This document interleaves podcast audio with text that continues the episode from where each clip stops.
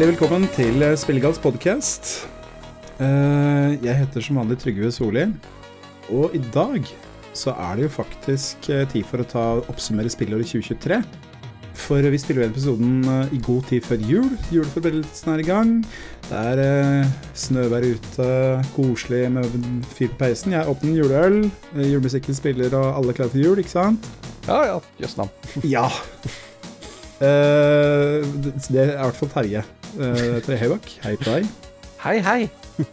Hei. Sindre Skåre. Ja, det er meg. Mm. Eirik Bartsen. God jul, god jul. God jul, girl. Og Nicolas Kidland. God kveld i stua. Ja. Nå får vi bare håpe at eh, når vi spiller inn episoden så god tid, så, er det, så tar det ikke lang tid å klippe når den blir forsinka til sånn ca. midt i januar 2024, da. Januar er det optimistisk. Nei, det kommer an på hvem av oss som skal ta den klippejobben, selvfølgelig. Altså, Nei, det har vi har til. Ja. Da, Få AI til å gjøre det. Det er jo det ja, som altså, det, er, det, er noe, det er noe rart med kalenderen min her. Det, det er det, altså. mm. Ja. Nei, jeg kan vel avsløre at uh, vi- dette er ikke spilt inn før jul. Det rakk vi ikke. vi spiller inn i januar. Men det er ingen, ingen ikke noe, Det er ikke noe mer perfekt tidspunkt å oppsummere spillåret 2023 enn i januar 2024, hvor spillåret 2023 faktisk er fullstendig definitivt avslutta. Ja, ikke sant? Litt sånn som juleribben, så har vi latt det liksom fordøye og liksom Mm. ordentlig sige inn, legge seg på sidene. Ja, og så har man fått spilt litt, tatt igjen litt kanskje, etter uh, som man ikke rakk å spille i 2023. Det har man kanskje gjort i romjula, da. Jeg vet ikke. Jeg, eller jeg ser på lista at ingen har gjort det, men det er greit. Jeg brukte romjula kun til å spille spillet fra 2021 i stedet. Ja, ikke sant. Også, ja, men altså en god ting. Jeg trenger ikke tenke terpe noe mer på det. Yes. Så i hvert fall, da. Spiller i 2023, vi gleder oss. Men uh, først så skal vi ta en liten kjapp runde på hva vi har spilt i det siste. Mhm. Og for noen spill vi har spilt. Uh, mm, Og for noen spill vi har spilt i det siste. ja, absolutt. Det syns jeg virkelig. Mm. Vil du ta batongen, eller, Sindre? Ja, jeg kan jo det, siden Spotlight er på meg nå. Um, Ja. jeg tok jo faktisk på din skråstrek denne podcast anbefaling og sjekket ut Tunic rundt uh, romjulen. Ja. Uh, det var vel du som pratet veldig varmt om det i tidligere episode, hvis jeg husker- hvis jeg husker riktig? Ja, det er nok fare for det, altså. Ja, fordi du er jo veldig sånn Selda-entusiast, uh, sier ryktet. um, Vi får se om vi kommer tilbake til det. ja, ikke sant? ja, regn med det. Ja, faen i helvete, så er det bare et unikvar. Det var, Det er det. eh, var så sykt verdt det. Um, Er du helt i, helt i mål? Jeg er helt i mål, ja. Eh, og jeg er mer er helt i mål, uh, mål men det kan, jeg kan uh, utbrodere om det litt senere. Uh, bare sånn Vi prater veldig kjapt om Tunic, men det er et isometrisk lite 3D-spill. Veldig Selda. Veldig sånn skamløst liksom inspirert av de gamle 2D-Selda-spillene. Bare at du spiller som en rev. Ja, hvor du spiller som en søt liten rev. Uh, og greia med greia er at det har liksom sånn litt flere lag til seg. Det først, første fremst så har det Dark Souls-style combat, så det er du, lokker an på fiender, du dodge roller, hele den pakka der, liksom. Uh, du har en Estus Flask, og så videre. Så sånn sett så er det bare en veldig solid uh, Et veldig solid lite eventyrspill. Men uh, der det begynner å bli interessant, er liksom når du har nådd Eller mens du spiller det, så finner du sider til en bruksanvisning, som liksom er bruksanvisningen til spillet. Jeg merker veldig liksom hvor inspirasjonen eh, til dette spillet kom fra. Det må ha vært at han sikkert hadde en store bordet eller et eller annet som hadde en importert kopi av Zelda eller et eller annet, og prøvde å lese instruksjonsmanualen på japansk og alt det der. Fordi den instruksjonsmanualen er skrevet i et språk um, som bare er Ja, ikke ekte, ekte rett og slett. Det er bare en haug med rare runer. Så etter, Mm. etter hvert som du liksom kommer lenger inn i spillet, så får du flere sider av denne manualen, og det på en måte påpeker flere sånne ting som ikke nødvendigvis er opplagt, da. Sånne manøvrer du kan gjøre, og eh, sånne små sånne hint til små hemmeligheter rundt omkring. Og Ja, og mekanikker i spillet, liksom. Sånn. ja, ikke sant, akkurat det. Mm. Og eh, for eksempel, sånn du har, all, du har tilgang til en fast travel-mekanikk i spillet, uh, men den oppdager du ikke før manualen forklarer deg hvordan du gjør det et par timer inn i spillet, ikke sant. Så Mm. Men det er et kaninhull som går skikkelig dypt, fordi det er sånn Du kan bare runde spillet på vanlig måte og slå siste bossen og alt det, og det er solid i seg selv, men så kommer den delen hvor du begynner liksom å grave litt i marginene og Ja, altså faktisk bokstavelig grave i marginene. Det er jo noen som allerede har hatt denne bruksanvisningen før deg, da, i fiksjonen, fordi den er stilisert som en faktisk fysisk manual. Når du leser den, så ser du liksom en CT-skjerm i bakgrunnen mens du liksom blar gjennom siden og sånt. Og det er selvfølgelig masse sånn kulepennnotater og kaffe, kafferinger og sånne ting på den manualen. da Fingertrykkene Ja, det skal være. av de som er den Det er veldig, veldig sjarmerende, altså. Mm. Det er det. Men eh, det har jo en del um, Det er jo en del hemmeligheter da gjemt inni disse marginene. Sånne der, de dodleriene som du tenker på som hva faen betyr det her for noe? Ti timer senere så har du sånn Å, faen, det er det det er! Den der lille krusedullen er jo en så og så ting, ikke sant?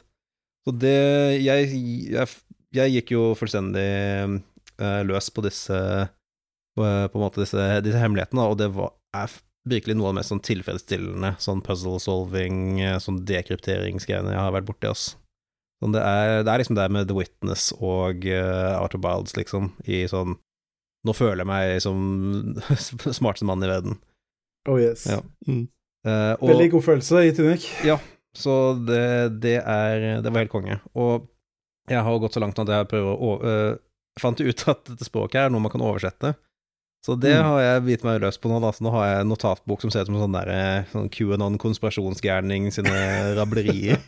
som var bare sånn Prøver å liksom sånn dekode dette språket, da. og Det er i seg selv veldig gøy, men får se hvor lenge jeg orker å gjøre det, fordi det er ganske mye arbeid. Er det sånn direkte oversendbart til engelsk, sånn bokstav for bokstav, eller er det Det er, eget ikke, eh, det, er ikke en, uh, det er ikke et substitution cipher som heter så fint. Nope, det, er, det er basert på Det er litt mer likt japansk, at det Mm, er mm, Det er fonetisk, tror jeg. stavelser. Det er så fonetisk, Ja. ja. at altså du Ja, altså partikler heter det vel på japansk, tror jeg. Ja, det er slik jeg forstår det. Ja, altså, det, det er ganske Det er kult at jeg ja, er ganske å gå så i dybden. Ja, for det var sånn, jeg, jeg fant en sånn der Det var en sånn krusedull jeg fant som liksom var sånn Å, denne sånn, Å, her er en rekke med alle liksom de symbolene, og det er kom, alle ordene er kombinasjoner av forskjellige symboler. Bare sånn, ah, kjempeenkelt. Dette her er sikkert A, B, C, D, og så bare Nei, faen, det er bare 18 bokstaver. Eh, Ja, ja. Hvor er det resten det kommer fra? Så da må man gå litt grundigere til verks, da. Men ja. Det Hittil veldig gøy. Spørs hvor lenge jeg klarer å holde ut før jeg i stedet Mm. bare ender opp med å spille Chance of Scenario i stedet, for jeg har inntrykk av at det er litt samme greia, sånn uh, oversette språk-type greier. Mm, det er Mm. veldig samme, samme bane. Uh, jeg har spilt det en del nå i romjula. Hatt det veldig gøy med det. Det er på min shortlist. Spoiler. Mhm. Det, det, det, mm, eh, ja, der, der går det i det, ikke sant. Der er du uh, ikke spoile for mye, men, men det er språk du oversetter, og det er flere språk, og du eh, Ja, det er mye greier til, til det. Jeg skal, jeg skal ikke hoppe for mye. Nei, men du kan godt ta over nå, jeg har egentlig sagt det jeg vil eh, si om Tunic, så Mm. Nei, men jeg spinner den videre. mm. Yes. Skal vi slenge den over til Eirik, eller? Ja, jeg har spilt et uh, enkelt uh, lite spill uh, sist. Uh, tok The Pinball Wizard. Mm. Det runda jeg på en kveld, egentlig. Ja, det, Så det er du som er The Pinball Wizard, med andre ord. Ja nemlig. Ja. Du er en ekte pinballtrollmann. Du må være med oss på turneringer. Ja, tydelig. Nei, jeg tror nok du hadde blitt litt eh, Du som er litt sånn pinballmann, eh, Terje. Jeg tror du hadde blitt litt skuffa over dette. Å, faen. Det er veldig, veldig enk, basic pinball-mekanikker i det. Det, det. det som gjorde at jeg ville spille det, er at det er en blanding av rogelight og pinball. Hmm. Så Mm. ballen din er en Jaha. sånn liten søt eh, Ghibli Nei, hva heter det? Chibi. Um, Chibi-aktig trollmann. Jaha. Uh, så du, du slenger den rundt da, i en dungeon. Så når du smeller inn i et monster, så skader Å du det. ja. Så Dungeon Crawler med pinball-mekanisme, liksom? Ja, egentlig. Ah. Ok. så, og så slår du deg inn i, slår deg inn i kista for å åpne de og sånne ting, sant. Så samler du penger og holder på. Eh, Jeg føler endofinene allerede, allerede har begynt å øh, løses opp i hjernen min akkurat nå. ja. så det var liksom bare Å, dette, her, dette likte jeg, denne ideen. Jeg skulle Ja. kanskje ønske de gjorde litt mer ut av det. Det har litt sånn der mobilspill-vibe, og det er veldig kort. Mm. Og det er, når jeg sier Rogue Light, det er med fokus på light. Ganske light, ja. Ja, ikke sant. Det- du har et, du har et sånn Slay the Spire-kart, antar jeg? Eh, nei, nei, nei, det er bare Jeg tror det er eh, 18 leveler, og du kan hver gang du dør, så kan du bare starte på den levelen du vil, av de Ah. du har kommet til. Eh, og så fortsette. Uh, og så får du med alle pengene ut, det, så det er på en måte ingen straff for å dø, annet du må starte den levelen du var på, på nytt, og så Ja. kan du levele opp og få noen nye skills og sånne ting, så Helt Ja. greit, men Ja. to timer Har du langt. spilt, uh, har du spilt Pinout, Eirik? Nei, det har jeg ikke. Nei. Tenker ikke gå veldig inn på det, men det er, sånn, det er mobilspill, da. Men det er flipper, bare at det er et eh, i gåsehudene uendelig flipperbord. Så Mm. du skal liksom komme lenger lenger opp Ja. og samle datter for å få mer tid og sånne ting. Det er, ja, kult. Ja. Mm. Jeg kan tror være jeg- verdt å kikke på. Jeg vil også shoute ut, jeg tror jeg pratet om det tidligere. Jeg har ikke spilt Mm. det selv ennå, men jeg har bare hatt det i kikkerten. Uh, Peglin, Ja. hvor Ja. det er uh, Peglin, altså The Peggle Goblin. Hvor det er en dungeon crawler hvor du spiller Peggle for å slåss mot monstre. Så Ja, Yes. det der, ja. Det Det er å teste. meget good. Jeg testa faktisk den uh, demoen etter at du snakka Ja. om det, så det, det ser jeg fram til. Det står på wishlist. Var det på, um, uh, på Har vi snakket om det på podkasten før, eller blander jeg? jeg tror jeg Jeg nevnte det en gang tidligere. ja. Ja. ja. Du synes til å snakke om det. Ja. Nei, det virker Mm. veldig kult. Men uh, ja, det jeg, jeg mistenker at det har vært et mobilspill, det har jeg ikke sjekket. Jeg spilte på Switch. Mm. Det kan jo godt hende. Switch er jo basically en mobiltelefon, så Ja, men det er jo greit å ha triggerne, da, Mm. for pinball. Eh, Sant. sant. Det høres ut som en veldig sånn kjapp og enkel eh, hm, La oss finne på noe nytt. Hva om vi, hvilke to genre kan vi mashe sammen for noe Ja. som ingen har gjort før? Ja, Og det- har, har litt og det i seg sjøl er jo ja. interessant, Mm. at de Ja, gjør det. ja, altså, det, det kan bli det. Og Ja. det, det, er, det er mange gode eksempler på hvor det har fungert, Mm. for all del. Mm. Jeg får Skulle- men noen, ganger, noen ganger så får du litt følelsen av at folk bare kaster ting på veggen og ser hva som henger. Ja, Ja. Spilte Ja. noen dere det der Golf Story? For er ikke det en sånn RPG hvor du spiller Jo, golf? Jo, jeg har aldri spilt det, men jeg har veldig lyst Ja. til Jeg har spilt det. Ja, det virker Golf ganske Story er dritbra. Ja. Det er eh, Basically så er det Mario Golf til Gameboy Color, eh, bare enda litt mer utbrodert. Hell yeah. Det er ment som et veldig, veldig positiv ting, da. For golf, eh, Mario Golf til Gameboy Color var dritbra. Oh yes. Oh yes. Ja. Uh, har du noe du vil eh, ta opp, eller, Nicolas? Egentlig ikke. Som du har spilt i det siste? Ja, jeg er good. Det er good. Ja, helt ærlig. Jeg, det, det, vi har Siege, da. Prøvd, men det har vært Vi prøvde, vi eh, prøvde så hardt vi kan, men fy Det er flaut, ass. Det, det lille, det lille indie-selskapet uh, Ubisoft. Så det er ikke så ja. mye penger, ikke så mange ansatte. Har ikke helt kontroll på serverne. Så Siege har vært sånn uspillbart i sånn peak hours, sånn fra syv-åtte på kvelden da, og ut, liksom. Så, så er det utspillbart. Og det har, sånn har det vært litt sånn to-tre to, uker nå. Ja, det er ganske Mm. Det tok dem sånn over en uke før de sa sånn Ok, vi, vi ser at det skjer noe, liksom. Greit, da. Vi ser dere klager, liksom. Ja, for det var sånn Først jeg tenkte var sånn Faen, det er jævla kjip timing for dem, fordi folk flest er sikkert fremdeles på ferie og sånne ting. Men nå burde jo folk ha begynt å strømme inn, eh, liksom nå på nyåret. Så jeg skjønner ikke helt hva som foregår der. Altså, vi har sittet og teoretisert litt grann, mens vi har sittet i sånn lange køer og bare prøvd å reconnecte og, og sette opp parties. For jeg har teoretisert at Jeg vet ikke om den pengeskvisen som alle blir utsatt for nå for tiden, eh, nå, som, nå som penger har blitt ekte igjen, eh, har tvunget dem til å bare sånn Nei, nå er vi nødt til å bare endre serverstrukturen vår og eh, prøve å kjøre ting litt billigere. Eh, Mm. Og så har de bare puttet det på en gammel sånn der eh, nedgulna Dell i et av Ubisoft Montreal-kontorene, liksom. Og den, den bare kollapser under vekten av alt faenskapet. Kjører på en Raspberry Pi i kottet til den ene. Akkurat det. Yes. Nei, men det har vært en ordeal. Men uh, nå har de i hvert fall sagt på Twitter at de ser på det, da. Så vi får se hvor lang tid det tar. Ikke sant? Da blir det sikkert bra med en gang. Men når det funker, så er det bra, da. Det er jo det. Ja, det, det skjønner vi alle. Shout-out til den nye sesongen. Den er, den er good. Bra, bra, bra. Men uten at vi skal kjede dere i hjel med å sitte og nøle utover en ny operator og sånt. Nei da. Um, jeg tar, Tabatongen tar batongen eh, til slutt her og sier at jeg har eh, spilt et spill jeg uh, Hva skal jeg si? Dessverre så har jeg spilt et spill. Uff. Kondolerer. Eh, takk. Det kommer godt med den tunge tida. Uh, nei, altså, det er ikke noe mer dramatisk enn at uh, jeg fikk med meg at et spill kom ut på Steam som heter Alex Jones NWO Wars. ja, ja. Ja. Dette er da uh, Lodin la vel ut for noen måneder siden at det kom ut på et sånt der shady side, men nå er det ute på Steam. Det koster eh, eh, 17 dollar og 74 cent. Det er Det er jo mer enn det fortjener. Det er det. Det er, det er et årstall da, som Mm. har noen signifikans. Men um, så klart. ja. 1774. Men i hvert fall, uh, de som ikke vet hvem Alex Jones er, godt jobba. Uh, vær så snill, ikke hør på akkurat dette her. Det fortjener ikke å vite det hvis du ikke vet det ennå. Nei, uh, Alex Jones uh, jeg, jeg er jo sånn at jeg liker å tro godt om folk, så jeg velger å kalle han eh, en komplett skruppelløs svindler. Og det Ja. har han vel fått dom på seg for at han er også, tror jeg. Det er kanskje noe av det svineste du kan si om han. Ja, jeg tror Mm. det. Det er, det er liksom da, da, da, da, tru, da tror jeg liksom ikke om han at han er så dum at han tror på det han sjøl sier. Så det syns jeg er ganske greit å si.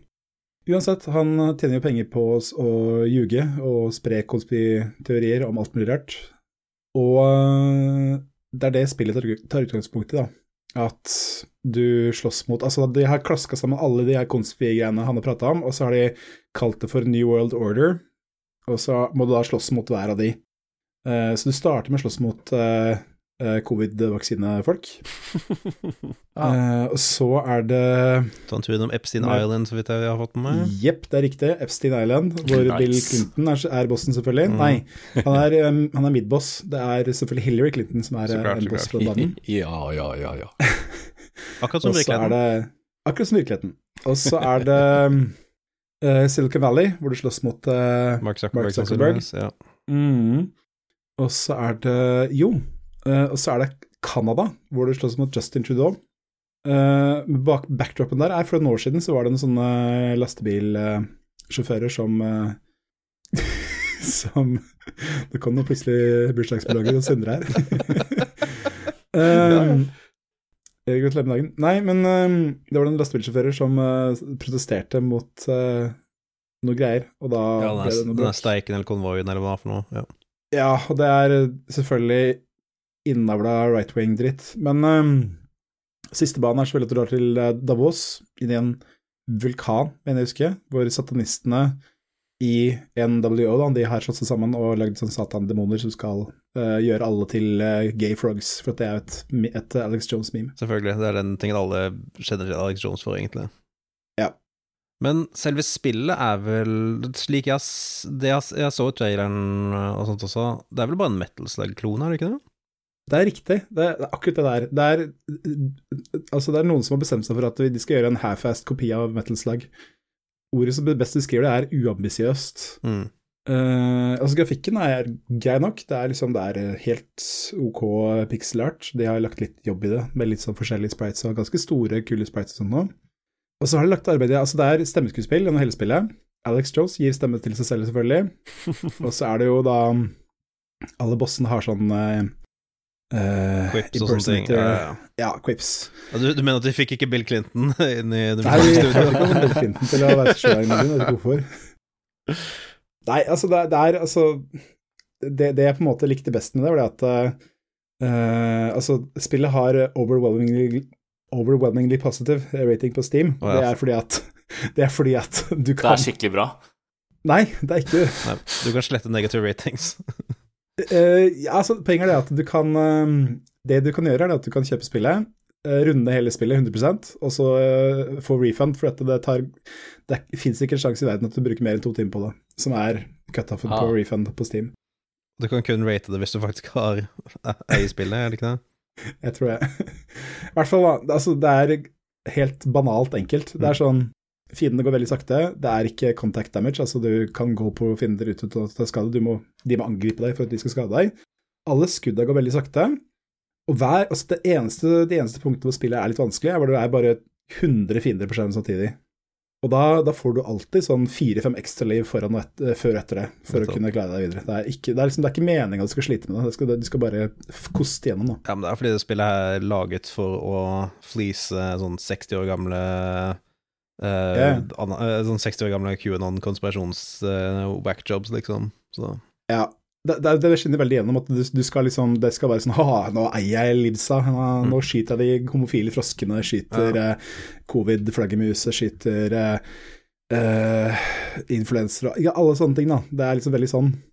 en Og det er ting, selvfølgelig det en ting som slo meg, var jo egentlig at ehm, Jeg hørte om det spillet, og jeg tenkte at det, sk det kom sikkert bare til å være en sånn her supertypisk sånn asset flip, liksom, som prøver å være topical. Det er jo mange, mange av de.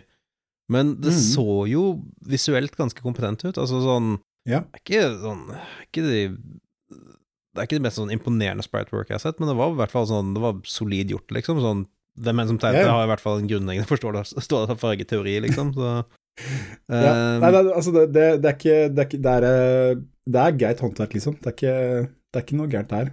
Men altså, spillet er jo per def veldig kjedelig, for at det er eh, superlett, og du koster gjennom det på under en time, liksom. Ja. Så vidt over en halvtime brukte jeg. 40 minutter omtrent.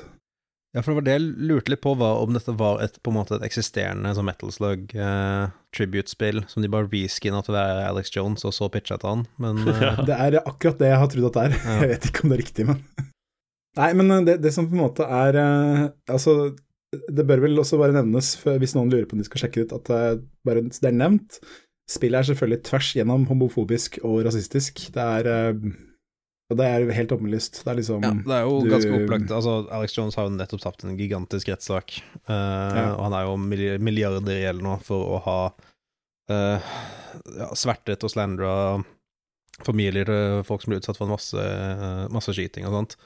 Så han er eh, scum of the earth og uh, Ja. er pengelens, så han gjør hva faen han kan for å tjene noen kroner nå, så eh, Nemlig. anbefaler folk å ikke gi han det akkurat nå. Han trenger å koke Ja. litt igjen. Hvordan føles det å bidra at økonomisk til han, er Trygve? Det skal jeg fortelle deg, for at jeg gjorde, det, jeg gjorde det eneste etiske rette, nemlig å piratkopiere spillet. Så det er min samvittighet er helt gullende ren i den uh, sammenheng.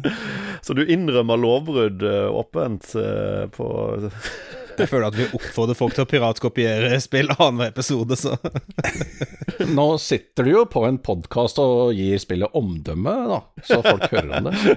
jeg, jeg sier det sånn at folk skal slippe å bruke tid på det sjøl. Så da, altså bare vær klar over det. Altså det, det er det som det som, det som, det som på en måte er, er liksom rosinen i pølsa i det spillet for min del, er det at eh, hadde noen sagt til meg at dette her er et satirespill som driter ut eh, Alt-Right og Alex Jones, hadde jeg trodd på det. For, at det er, det, det, for det første så faller det veldig i den fella med den Kolsby-fella, med at eh, fienden er både ekstremt mektig, men også utrolig svak. Så det er liksom Hva skal jeg si, altså de driter ut, men det er liksom Og så er det sånn stor konspirasjon, og så blir de bare drept av at Alex Jones bare fiser rundt med pistolen sin. Og for det andre så er framstår Alex Jones som veldig svak. Han eh, dør av så fort han kommer borti en homofil frosk, liksom. Tåler ikke å ta på en regnbue engang. Da tenker jeg jøss, det er så dårlig stelt, liksom. han burde, han burde hatt sånn Super Mario superstjerne hele tiden, liksom. Ja, ikke sant. Det der, de er supplementsene selv, den der Brain Force, eller hva det er for noe. Ja, ja, ja. Det er, det er selvfølgelig de supplementsa som er uh, ekstra liv i spillet, da. Og de er det, ja. Selvfølgelig er det det. Ja, ja. Med en sånn link, du, du trykker på en knapp som sender deg rett til uh, Infowars-butikken, og ja, ja. Men Super er Mario og Superstjernen blinker jo uh, regnbuefarger, det hadde jo ikke gått. ja, Mm. ikke sant. Mm. Nei, altså, det er komplett kli kokos bananas, det er ikke noe å lure på. Men ehm, Alex Jones har jo også sine egne quips, som bare, og de kommer bare sånn tilfeldig. Plutselig så bare stiller han at uh, 9-11 var en innsidejobb, og eh, Det høres ut som mest relaterbare del av spillet hittil. Ja, ikke sant. Hva, kommer han med det plutselig ut, utilfeldig, liksom? Bare helt tilfeldig. Bare skyter en fyr, og så bare Ja, men 9-11, innsidejobb. Ja. Masse sånne ting. Og Jeg så ser, jeg ser for meg, jeg ser for meg at de bare, like de, bare fikk, de bare fikk Alex Jones til å bare spille bare, Ok, sett deg ned i en time og bare bare yep. rop en haug med crap, så klipper vi det opp, og så tar vi bare har en funksjon som bare spiller av et random lydklipp hvert femte sekund, liksom. Ja, ja, ja, men det, er det det framstår som. Men gjett hva han sier hver gang du plukker opp et våpen, da, få høre. Hva, hva sier Alex Jones hver gang du plukker opp et våpen? Uh, et eller annet right to bear Alle har hørt replikken før. Tenk, tenk, tenk liksom Tenk veldig sånn klisjé. Ja, det er en si amendment. for- Nei da, det er fra en film. Og da sier han selvfølgelig Say hello to my little yeah. friend. Yes, det er akkurat det han sier. Mm. Hver gang. Bare at det er ingen som har sagt til Alex Jones hvordan det skal sies. Han sier bare 'say hello to my little friend'. Ja. Det er sånn. Ok, da skal jeg gjøre det, da. Men eh, jeg vil også si at det har, det har én sånn eh, eh, redeeming quality, som det heter. En, eh, det er da til Alex Jones av og til. En av quipsene hans det er at han sier 'I'll eat your ass'. Det tenker jeg det er hyggelig. Ja, takk skal du ha. er mye, mye vold og drap og sånn nå, men i det minste så spiser han spiser neva di. Det er liksom hyggelig. Får litt igjen, da. Ja, det er det. Det er hva jeg er forberedt på eh, på å si om det spillet. Eh, noensinne, egentlig. Har du, Ikke- har, du tatt, har du tatt en titt på hvem de utviklerne er, egentlig? Eh, jeg kikka på nettsida deres, og det er sånn Det står ingen credits noe sted. Det står ikke hvem som har laga det, det står ingen hvem som er bak, står bak Det er sikkert lurt, ja. Ingenting. Det tror jeg er bevisst at jeg har valgt å ikke ha med det. Det står noe piss om at de er, eh, støtter eh, ytringsfrihet og er imot eh, woke osv. Så, videre. så det er Nei, jeg bare lurte på om det var noe sånn at Derfor jeg lurte på sånn om de genuint er sånn fans som liksom pitcha det her til han, eller om de bare tenkte at ah, her er en dude som er desperat nok til at vi kan flise han for penger, liksom. Det er faktisk det er 50-50, altså. så det jeg vet jeg ikke helt. Så uh, Ja. jeg, ser på Mo jeg ser på Moby Games, og de har ingen credits de gjelder, men de, har, eh, de sier at developeren er NWO Wars Team. Ja, det var et ja, annet blir filmnavn grunnlagt på sida. eller de Ja. Grunnlagt skalkeskjul, i hvert fall. Ja. Mm. Samme. Det er eh, Uansett så er det sjarlat- sjarlat- sjarlataner det er snakk om her. Ja, ikke sant. Nei, men uh, ikke spill det spillet. Mm. Spill noe annet. Det er bokstavelig talt ABBA som helst annet. Spill, uh, spill Derek Hughes sin klassiker I'm OK i stedet. Ja, spill det. det er dritbra. For det jeg satt og tenkte på hele tiden, jeg bare sånn minner minne om det. Ja, ja, ja. Altså, Bortsett fra at det faktisk er bra, da. Mm. Det er morsomt å spille, og faktisk satirisk. Så det er uh, mye bedre valg enn den dritten der. Yes, yes. Eh, vi, nå føler jeg at jeg har litt lyst til å prate om I'm OK, men det gjør ikke det. Ter- Terje har vel noe Terje, ja, Terje, går det bra? Ikke spilt. Nei vel. Nei, jeg har ingenting. Det er greit. Jeg har, jeg, jeg, jeg har øl. Terje, Ja, nei da, det er ikke så veldig spennende. Eh, De siste par ukene, altså i romjula, så bestemte jeg meg for å hoppe ned et lite kaninhull, som var eh, CD32-konsollen sitt eh, spillbibliotek. nice. Ja, for eh, det har jeg faktisk aldri kikka særlig nøye på. Det er jo ikke akkurat spesielt stort, for den konsollen var i salg i sånn type åtte måneder. Hvilken Ja, for oss, hvem- for oss ikke er sånn lommekjent med uh, ok, dette var konsollen som Commodore ga ut ca. et halvt år før de gikk konkurs. Å ja. Ja, så den Det Så, var så sånn, sånn skikkelig banger av en maskin. Altså. Oh yes. Så den er basert på Amiga-hardwaren, eh, med andre ord. Og, uh, men ja, den har fått skylda for at Commodore gikk i konkurs, sånn, og veldig mange tenker sånn overfladisk, men det er, det, det er ikke tilfellet i det hele tatt, for Commodore hadde lenge vært på, i fritt fall. Ja, det var som siste sånn dødsreie, ikke sant. Ja, Mm. ikke sant, så Nettopp for å, i et forsøk på å redde firmaet, så, så framskynda de releasen til konsollen, og det har litt eh, sam, sammenheng her, sånn, for Flere utviklere visste jo at denne konsollen kom, men eh, de, de nye, gode spillene de planla å lage, for dette var, dette var en ny det 32-bit-konsoll med CD-rom-basert, en av de aller første som kom. Nice. Mm. Og de hadde, flere utviklere hadde store planer om hvordan de skulle utnytte det her, men eh, plutselig så kom konsollen et halvt år før den skulle. det er alltid gøy. Det er funny prank. Nemlig. Og, Mm. ikke sant? Så si, I og med at den basically var en Amiga bare i konsollform, så resultatet var at veldig mange ut- utgivere bare tok eh, ett og to år gamle Amiga-spill, eh, slappa et Ah. nytt CD-soundtrack på det, og kanskje en animert intro, litt sånn, ga det ut. Og eh, konsollen rakk å få nesten 200 spill eller noe sånt nå på de åtte månedene den var ute. Og eh, nå, er, nå, er, nå er det noe gærent med Sindre. Nei. Er, er CD32 er det det, er det det den der legendariske Zelda-spillet er for? Nei, det er CDI. Ah, ok, Det er CDI CDI. er det. Ja, det er det. Ja, For plutselig bare begynte jeg å koble ting sammen. Vent, så øyeblikk, det her var ikke kjent. det var ikke bare Commodore som la ut en sånn derre Mm. ve- lite veloverveid CD-konsoll på den tida. Ikke sant. Nei, men den var ikke Det var bare at alt rundt utgivelsen eh, på den, og det at de var i ferd med å gå konkurs, eh, som gjorde at det gikk til helvete. Maskinen i seg sjøl er egentlig ganske interessant, den. Det er bare at den uh, rakk uh, Det rakk aldri å, å nå potensialet sitt, kan du si, da. Hadde den noen originale spill, eller var det bare ports av gamle? Nei, det er nettopp det. Altså, det, det, den hadde da noen, eh, en del originale, men det store flertallet er, var jo da gamle ports. Ikke sant? Men eh, du kan jo kalle det, mange av de kan du kalle remasters, og det er, jo, det er jo gode remasters, egentlig. Nå Altså, snakker vi. det er, det er Som, ikke, som, det som kan demonstrere. Ja. ikke sant? Det er bare, bare litt kjipt, da, at eh, den gangen, hvis du var en Amiga-eier og sånt, så hadde den jo omtrent ikke noe egentlig nytt. Liten Men, strek i regninga, den der.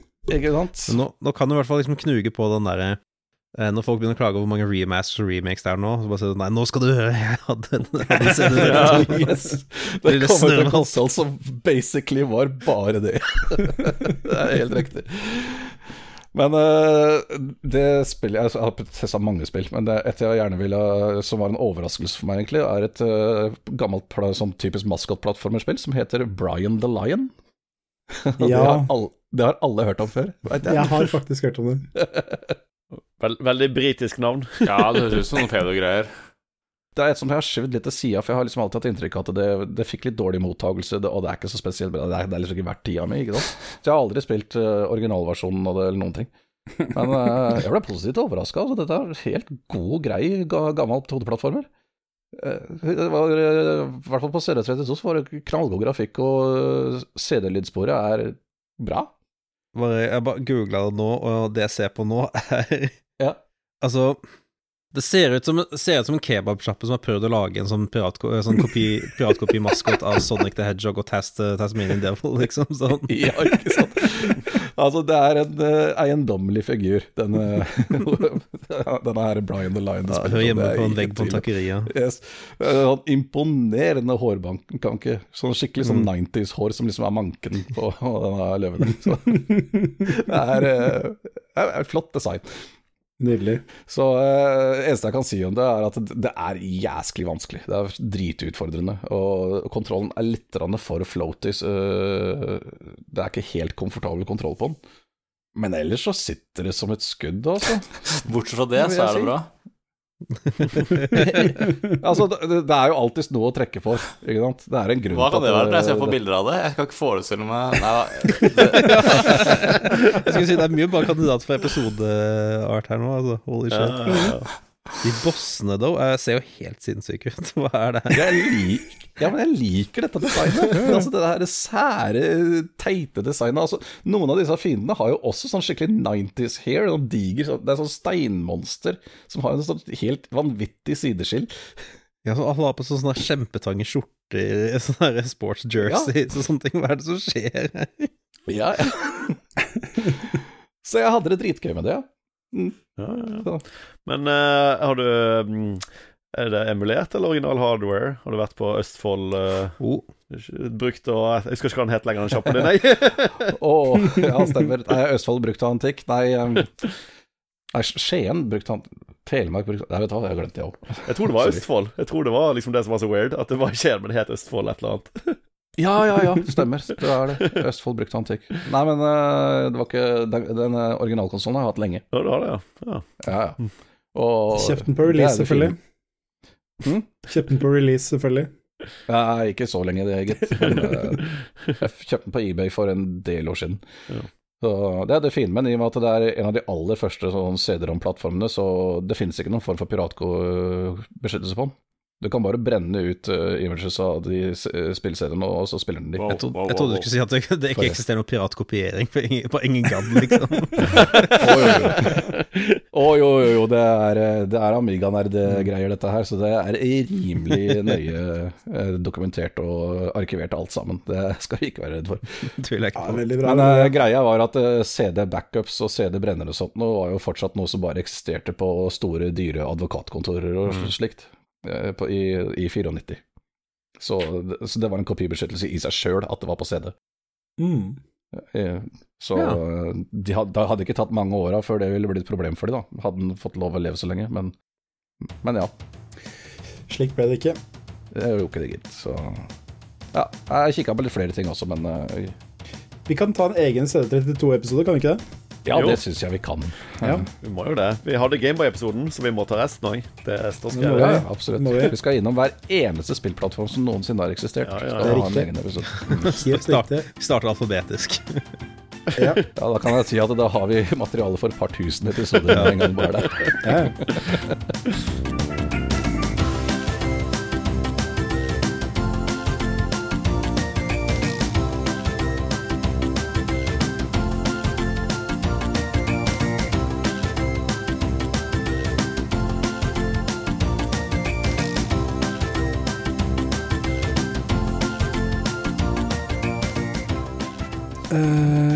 men da får vi begynne på igjen, da.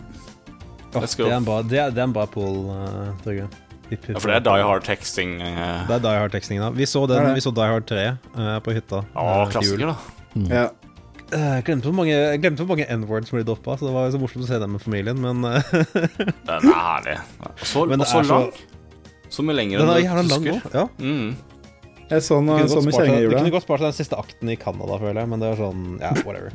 Eh, bare alt Du måtte ha en slutt. alle, alle fire på alle plugger, liksom. Og, Ja.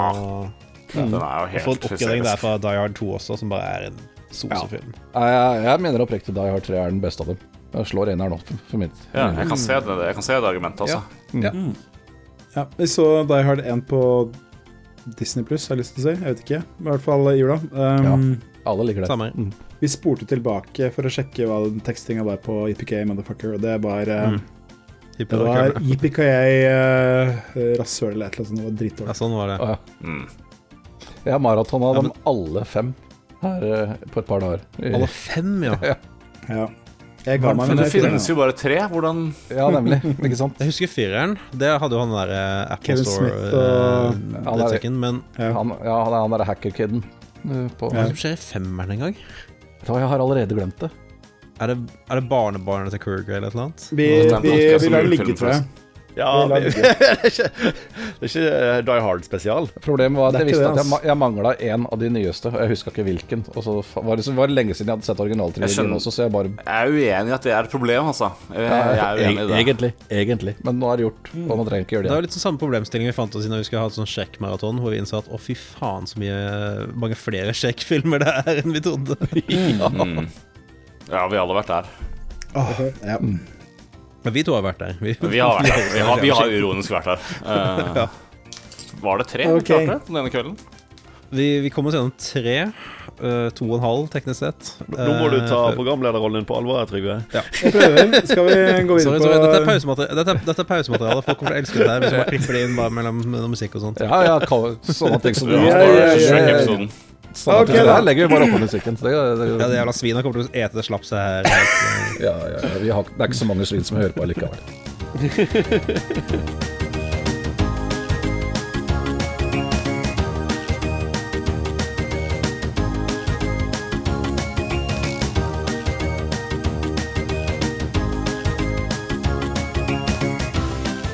Da, dere. Endelig. Alle har venta åndeløs spenning, og flere har omkommet av surstoffmangel. Men eh, endelig skal Spillegal kåre 2023s beste spill. Skal vi det? Eh, og da mener jeg at da må det komme litt ikke. jubel. Altså. Vi, Altså, var Siege igjen. Ja, står det her. Da var dette siste episode av Spillegals podkast. til Destiny 2. Takk for oss. Eh, Ha det bra. ha det bra. Takk for kveld. Godt Ja. Nei, uh, beste spill er selvfølgelig Sea of Thieves. Det er jo den, eh, et meme fra en annen Mm. podcast, men eh, Nei, men eh, jeg lovte jeg skulle fått med korthet, så jeg har tenkt å gjøre det. Og da tenkte jeg bare begynne. Og så kan dere lene tilbake og bare høre på dere prate i vei om alt dere liker, alt det rælet dere har spilt. Uh, ja, selvfølgelig. Terje spesielt kommer til å bruke et par timer, tror jeg. Men vil vi Skal vi gjøre sånn som vi gjorde i fjor, at vi tar uh, Vi kommer fram til at vi vil nominere tre, tre spill hver. Skal Ja. vi bare starte på bunnen og så jobbe oss oppover? Vi, vi gjør det. Jeg, jeg tar og først, aller først så skal jeg Jeg, har uh, krangla meg til, som vanlig, at jeg skal bare ramse opp masse spill jeg likte i 2023. For det var et sinnssykt bra spillår. Uh, og så var det mange spill som ikke nådde opp, for vi skulle bare ha tre spill nå. Så da vil jeg nevne, i rask rekkefølge, uh, Pizza Tower. Morsomt plattformspill. yeah. Oh yes. Golden Idol Mysteries, Sparrow Lanka og The Lemurian Vampire. Oh, hell yes. Hell yeah. Oh yes. Suveren DLC-pakker til uh, et av forfjorårets beste spill. Mhm. Uh, Baldur's Gate 3, selvfølgelig. Jeg har ikke spilt nok, men jeg har spilt nok til å vite at det er et kongespill. Det, det, det kommer jo på noen sin liste, kanskje, da. Det kan hende. Ja, greia er jo at eh, Problemet mitt er jo at det er så stort spill at det er en av de eneste spillene jeg har spilt i år. Ja. ja, jeg har spilt i mange timer, men jeg har ikke kommet til nærheten av å være ferdig med Act 1, Men liksom. jeg har spilt i flere timer. Det vet jeg. Armored Core 6, Fire Rubicon. Ja. Uh, også et kongespill. Ja. uh, From Software. Uh, Mac Action. Uh, Dark Souls-aktig. Litt. Um, Super Bros. Wonder. Uh, veldig, veldig bra spill. For barn. For uh, alle aldre, egentlig. Veldig Ja, jeg si, det, kom, det kom ikke i topplistene. Det gjør ikke det, og det er litt fordi at uh, Det var over åtte. Eh, ja. Jeg, jeg, sa, jeg sa jeg skulle fått meg korthet. Nei, men altså, det er helt kongebra. Uh, fantasirikt, veldig variert og veldig kult. Uh, og så er det bare at jeg, fordi jeg er den jeg er, så er det noen andre spill like enda bedre. Mm. Uh, AKR, uh, Jeff Minter, Arcade Action. Veldig variert, veldig nyskapende. I en Yep. litt sånn hva skal jeg si, litt sånn i mosegrodd sjanger, egentlig. Returnal, som først kom ut nå i 2023, ikke før, til tross for hva PlayStation 5 eiere tror. Jeg kunne sverge, men ja, nei, det, hvis du sier det sånn. nei, nei. Ah, it must be nothing. Resume control. Ja, ja. Nei, uh, fantastisk grafikk, veldig kult gameplay. Retro Housemark er som alltid veldig gode. Um, Street Fighter 6 uh, trodde ikke jeg kom til å like det, og så likte jeg det veldig godt. yeah. Veldig bra slåssespill. Bombers Cyberfunk, for deg som savner uh, uh, Jetgrind Radio og de spillene der.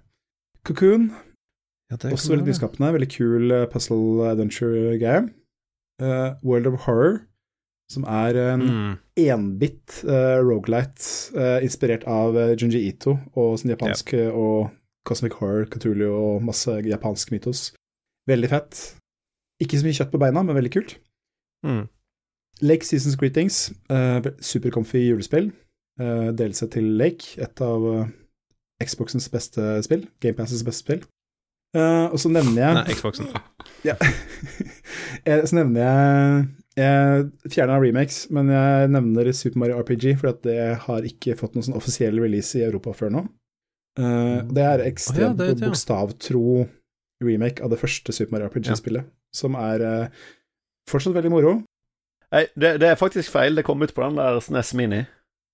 Ja, nei, nei, nei, nei, det er feil, fordi eh, det er liksom den originale, men uh, det er vel en sånn si oppskalert sånn Jo, jo, men det er en eh, offisiell release i Europa av det spillet. Det er ikke første gang de Det spiller det. er, det er cop-out. Det er eh, ah, Forresten, du får med Super Mario RPG på SNES Mini. Det er bare tull. Dette er den første Oh ordentlige Får en tre timers episode til, ja. ok. Ja. Skal vi nitpicke hardt her. Nei, første gang du kan gå i butikken og kjøpe Super Mario RPG i Europa. Ferdig snakka. Det kommer i eh, 2023. Mm. Veldig Men bra. eh, Trygve, betyr Ja. dette nå at de spillene som er på våre lister etterpå, eh, som du allerede har nevnt nå, da har ikke du lov til å kommentere noe? Nå er de diskvalifisert, ja, så nå har- får ikke, vi- nå nå får ikke vi lov til å ha det på listene våre. Nei. Ja, det er ikke noe jeg claima de. Nei, men nå har jeg, nå har jeg kommentert Nå de så nå, nå, nå slipper jeg å pra- å slipper diskutere. For at nå Nå ble, ble den korte lista mi enda kortere. Nei, men uh, skal jeg nominere spill da, til uh, topplista, og da er min første nominasjon det er uh, Jeg har, jeg har snakka om alt dette før, egentlig, men jeg kan jo si at uh, det som er mitt nummer tre uh, i 2023, det er Vengeful Guardian Moonrider. Det Hva er- er det for noe? For det har jeg ikke hørt om før jeg så det på listen din nå. Nei, jeg har snakka om det før, men det er Det kom i januar, så det er ikke så veldig rart. Det er lagd av de som lagde Blazing Chrome, hvis noen har spilt det. Det er sånn Ja, det der, retro ja. Er tittelen AI-generert? Jeg tror den er eh, kommer litt av at jeg tror de er fra Argentina eller sånn noe. Det er eh, Jeg husker ikke helt hvor de er. Jeg, tilgi meg, altså, jeg husker ikke hvilket land de er fra, men det er Sør-Amerika. Det er eh, Hva skal jeg si? Det er veldig sånn Shinobi, Shadow Dancer, Ninja Gaiden. Sånn gammelt 16-bits eh, gameplay. Men med strukturen fra Megaman. Så du velger bosser, og så tar du de, og så får du våpnene deres. Og det er Ok, så det er sånn action side-scroller-type greie. Veldig det. Det føles som å spille et Megadrive-spill med fantastisk design og dritbra musikk og Å ja. Hm. supertett kontroll. Uh, musikken er uh, ikke chiptunes, faktisk. Det er uh, i stedet laga på en ekte sånn Roland 90-talls DX7-synt. Oh, hell yeah. Og det er masse sånne japanske soundpatches og sånn nå. Det er veldig, veldig kult. Nice. Super ordentlig sånn derre Ja, det, hva kalles det for noe? Dark synth eller sånn noe. Det er veldig kult i hvert fall. Veldig bra. Jeg har noen svake minner av å ha sett dette, sett dette for et års tid siden, ja. Nå, Ja. på podkasten. Sittet og scrollet gjennom en YouTube-video. Ja, ja. Nei, det er derfor jeg trar det frem igjen. Nei, men det, Ja. altså, det er så sinnssykt bra. Jeg har spilt, spilt gjennom hele spillet to ganger, 100 av det. Alt sånne ting. Veldig, veldig kult. Men for oss som ikke, som ikke Altså, først og fremst, dette er jo et uh, lydmedium, uh, men for oss som ikke gidder å google akkurat nå, uh, hvordan, hvordan, hva, hvordan ser det ut, egentlig? Er det, er det sånn standhaftig sånn 16-bits grafikkstil, eller er det litt mer sånn moderne Eh, de holder seg veldig på 16-bit-stilen. Det er noen Ja. effekter som er, kanskje ikke ville gått an da, uh, uten til jeg sjekka det så nøye, men det er veldig, Ah. sånn, det er veldig store sprites, mye rotasjoner. Og så er det estetikken er veldig sånn Det er veldig sånn japansk. Det er sånn, det er sånn, de ser ut som shinobis, de er robotene du slåss mot, og den mm. du er, da. Og så er det sånn eh, liten sånn touch av sånn uh, of Gigger, uh, biohorror-greier. Mm. Så det er veldig oh. Vet du hva, det her faktisk begynner å ringe en bjelle. Jeg tror kanskje jeg har sett det før, når, når du beskriver det sånn. Ja. Det, det ser veldig ut som uh, europeiske versjoner av Kontra 3. Ja, Probotector. det er ikke, det er ikke det. Men det, det som gjør at hvor alle er liksom Terminator-roboter med grep. Ja, ja, ja. liksom. Det, det, det som gjør at det, handler havner på min toppliste, er fordi at det er eh, veldig sånn eh, Det gir deg den gode retrofølelsen. og Det er veldig moderne samtidig. Det er veldig ekstremt variert. Masse set pieces. Mange, mange kule ting du kan gjøre i hvert brett. Veldig bra bosser. Og så er det sånn, det er sånn supertight at du når du begynner å spille, så kløner det litt fram og tilbake og er ikke helt sikker, og, sånn, og så begynner kontrollsystemet å sitte virkelig i fingra. Da bare bl blaster du gjennom spillet gjennom hvert eneste brett. Det er dritartig. Mm. Kjempegod følelse, topp stemning i det spillet, og det er mitt nummer tre beste spill i 2023. Ja. Nice. Mm. Så rulett, hvem vil ta neste deres Russisk neste nummer tre? Jeg vet ikke, jeg har ikke Jeg tror ikke jeg har sortert mine ferdig engang. jeg. Altså, sånn, jeg, jeg må avsløre at jeg kommer ikke til å forsvare så veldig sånn eh, Krangle så mye på spillet her, hvis noen folk mener Jo, noe fortjener først. Det er derfor vi er her. Ja, ja. Ikke sånn Not here to make friends. Men altså eh, I'm here to make goody lists. Jeg liker jo sånne puslespill. Vi er jo flere her som har spilt Cocoon, eller? Jepp, Mm. jeg har spilt det. Har vi, Veldig bra. har vi snakka om det Angrer veldig på at jeg ikke har fått gjort det. Vi har snakka om det. Ja, vi har nevnt det tidligere. ikke- Det var jo kult, det, liksom. Ja. Da, da er det ikke likevel eh, årets tredje beste spill, da, siden vi har snakket om det fra før. Nei, det stemmer. Nei, altså, jeg vet ikke om jeg føler sterkt å komme det sånn uh... Nei, det datt ned fra min uh, topp tre, det òg. Ja, det var jo ikke, det var ikke dårlig, liksom, men uh... Nei, langt Det var vel ikke så mye å- ja. Det er så veldig sterk estetikk og veldig Veldig sånn supertight eh, design i det Mm. spillet. mm, Mm. Ja, fordi det og den derre Chance of Senar var liksom to andre spill jeg hadde veldig lyst til å hoppe innom før året var over, men Mm, mm. ja, som jeg kommer til å komme inn på, mine, mine, to, mine topp to spill er jo sånn der 100 timer pluss eh, prosjekter, så det har liksom tatt mesteparten av tiden. Jeg, kan jo- jeg kan jo si min uh, tredjeplass, da. Få høre, få høre, Erik.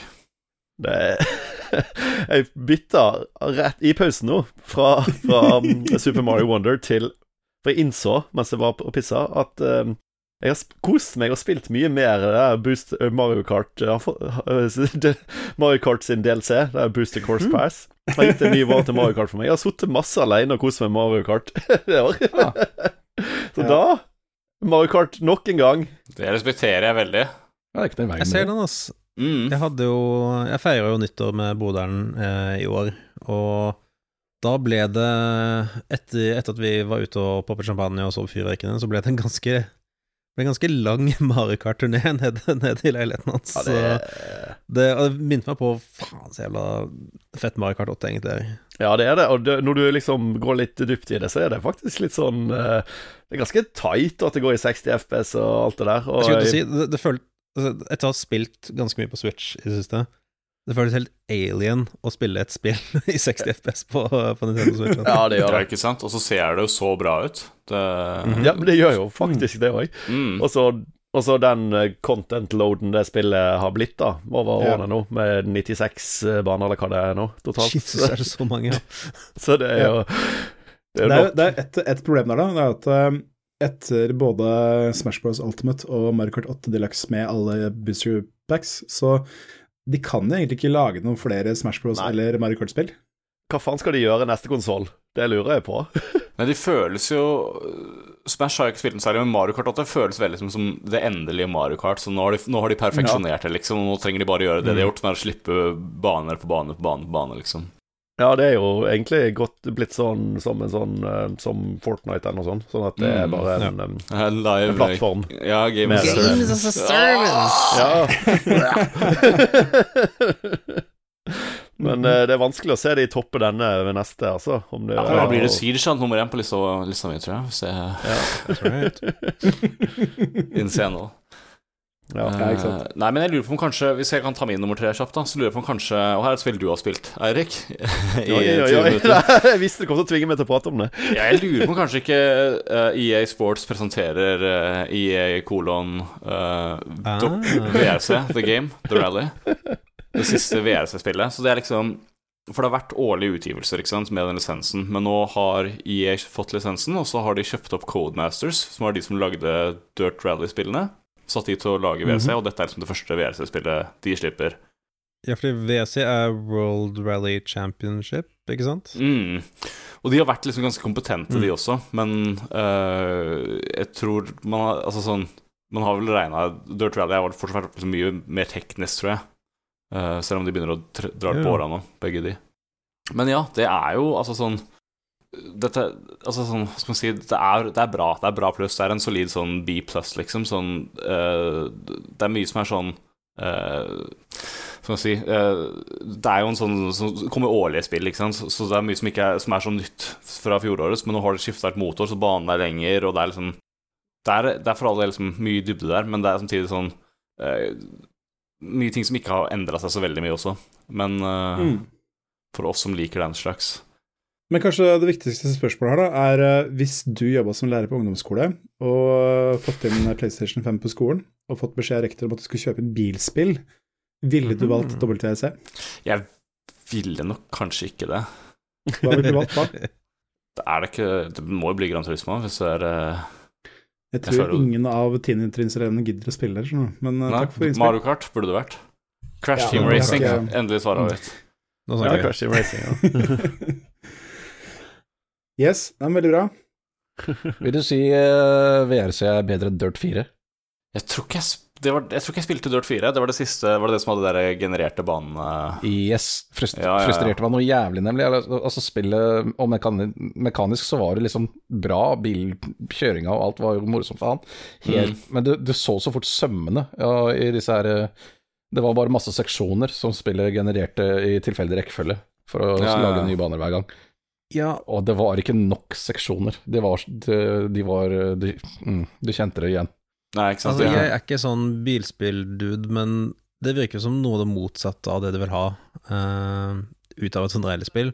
For er ikke, litt av poenget at du vil liksom mestre disse banene? At de skal være Altså Både og. Noe av det som er gøy med det, er jo det at du får 30 km med bane som du da liksom umulig kan ha pugga, og så må du på en måte bare ta det litt sånn på gefühlen. Så, så jeg ser jo logikken i å ha det generert, sånn, for det handler jo litt om, om å bare liksom høre på de jævla callsene på hvilke singers kommer, og så reagere riktig, liksom. Jeg tror i virkeligheten så Ja. kjører man gjerne gjennom banen én eller to ganger, tror jeg, og så kjører man. Jeg har ikke noe særlig faktisk reell erfaring, men sånn, det er ganske sånn Men det det burde vært da, at det er én sving av gangen eller sånt, som kanskje kan genereres med litt forskjellig grad hver gang, og, og sånne ting. For, for, for, det, var, det, var, det var jo ikke det. Det var, det var store sekvenser, var, eh, segmenter, mener jeg.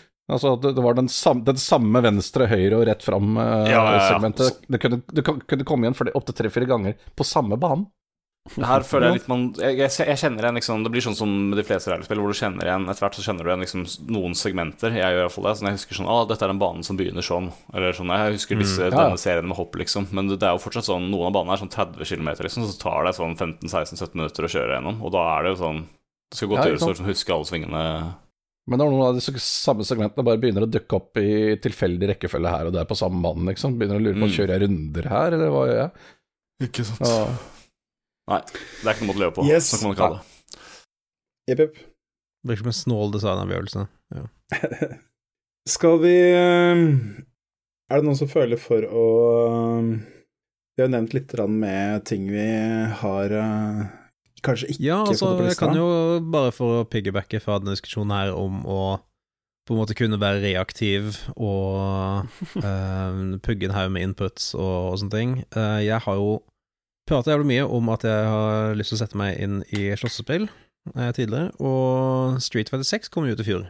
Og Mm. det har på en måte endelig vært det som Ja, jeg har prata litt om det på podkasten tidligere, men det var jo det som endelig tok og klarte å gripe tak i meg. Er det din offisielle eh, tredjeplass? Det er min offisielle tredjeplass, ja. Hovedsakelig fordi det er det eneste det er det, er det, er det eneste spillet jeg har spilt i mer enn sånn ti timer. Eh, sånn eh, resten av året. Men Nei, men det er sånn genuint. Jeg ville også gitt en tredjeplass uansett, bare fordi sånn De Jeg har hovedsakelig bare spilt den singleplayer-kampanjegreia hittil, som bare er sånn så slow ramp up uh, for å venne til uh, mekanikkene og alt det der. Uh, og jeg syns det har vært et veldig veldig bra sånn entry point for å sette deg inn i Sette, sette meg inn i slåssespill, i hvert fall. Uh, og jeg hører jo veldig mye bra ting om eh, Veldig mye bra ting om for eksempel eh, Tekken, uh, ny Tekken eh, vet jeg veldig mange folk er hype for, og et, annet, et eller annet slåssespill eh, Jo, jo, alle disse Guilty Gear og sånne ting. Jeg har hørt veldig mye sånn gode ting om Mm. de. Det er liksom noe med Street Fighter som, bare- som jeg bare syns er mer appellerende. Og så gikk jeg ikke for det, og så har jeg faktisk opp, funnet ut at det, endelig er det Endelig liksom setter det seg fast, da. Endelig klarer jeg liksom å faktisk finne oppmerksomheten og på en måte finne Hvordan skal jeg si det? Jeg klarer, jeg klarer å føle meg frem og faktisk få det til, da, på en måte som faktisk gjør meg interessert i å fortsette å fortsette å grave i det. Så uh, har ikke fått rørt det siden før jul, fordi det har bare vært mye ja, eh, julestri og så tilbake på jobb og alt der. Jeg merker alle at jeg klør litt igjen etter å ha plukket opp igjen, fordi jeg fikk skikkelig blod på tannene. Så Ja, det er bra. Jeg er misunnelig på, på det, altså. Jeg har også lekt litt med tanken på å prøve å sette meg inn i et slåssespill igjen, liksom. Eh, men jeg, jeg orker ikke, ikke sant. Det er Nei, men akkurat dette frister litt ekstra til meg pga. den der nye kontroll eh, Litt mer snillere kontrollmulighetene. At du slipper å Ja. pugge så hardt, Mm. liksom. Ja, for det Ja. nye kontrollsystemet er litt mer Nesten litt sånn Smash Brothers-aktig, egentlig. Hvor det er mer Ja. sånn Du har på en måte Du har retninger, og så noen modifiers på de. Mm, mm. I stedet for at du er nødt til å liksom kom, eh, huske alle disse lange input chains og alt det der.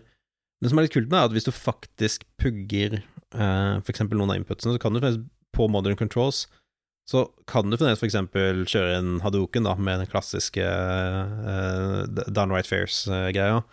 Uh, det, det er ingenting som stopper deg for å bruke klassiske kontrollere når du bruker modern. Du må bare være litt, uh, litt svett for å få det til.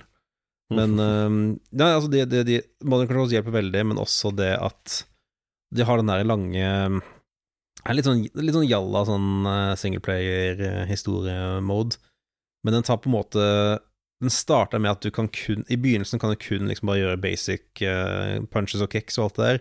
Etter hvert så unlocker du komboer, etter hvert så unlocker du projectiles, og du bare um, Så blir det en lang tutorial, da, på en måte.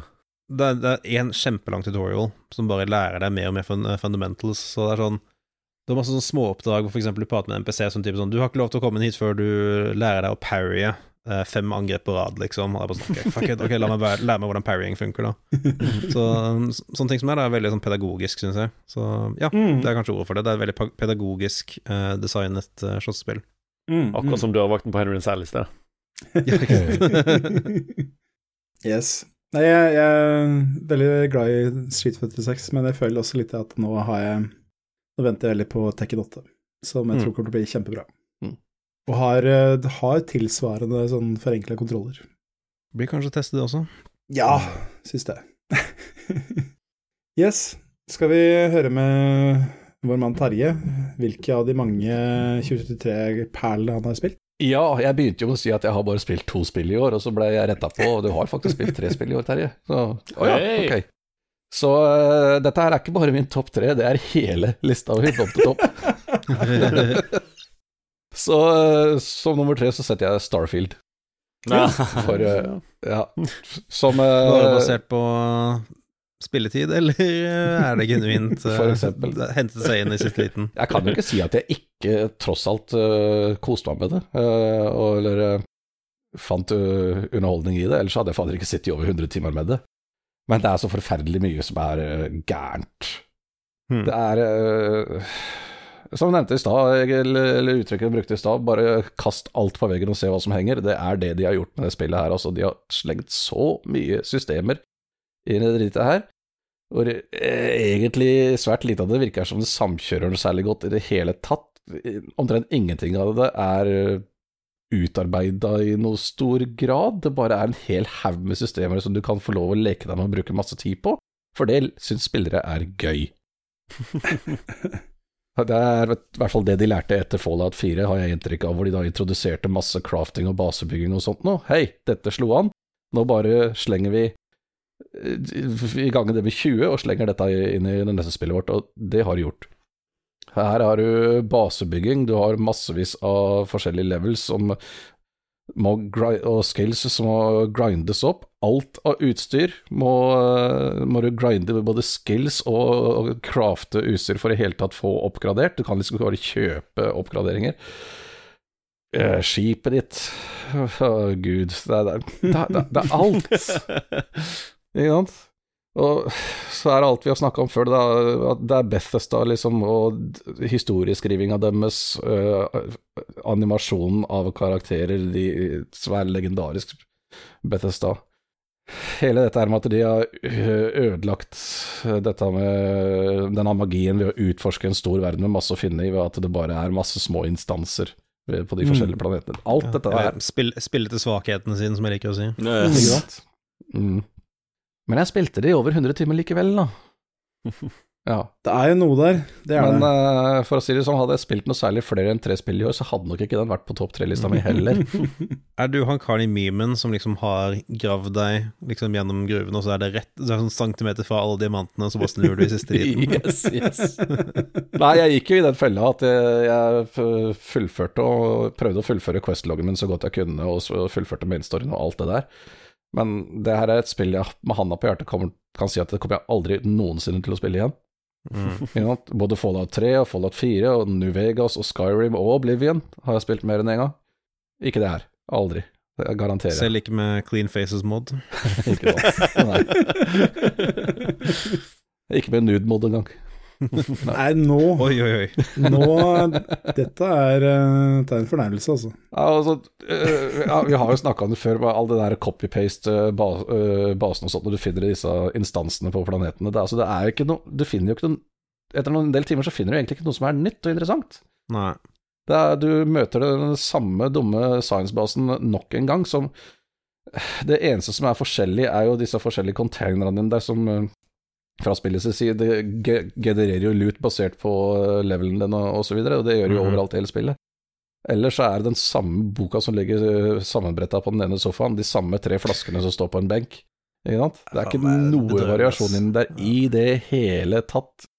Det var liksom håpet at liksom et eller annet hentet seg inn i liksom siste akten, eller noe som gjorde at du fortsatte å trykke på, eller? Eh, det var det jeg håpa Eller det var det jeg hadde- hadde hørt rykter om, da. At det, er, Ja. det kommer en veldig bra twist, liksom, som liksom forklarer alt dette her, og det er egentlig dritkult, og du får lyst til å spille det en gang til.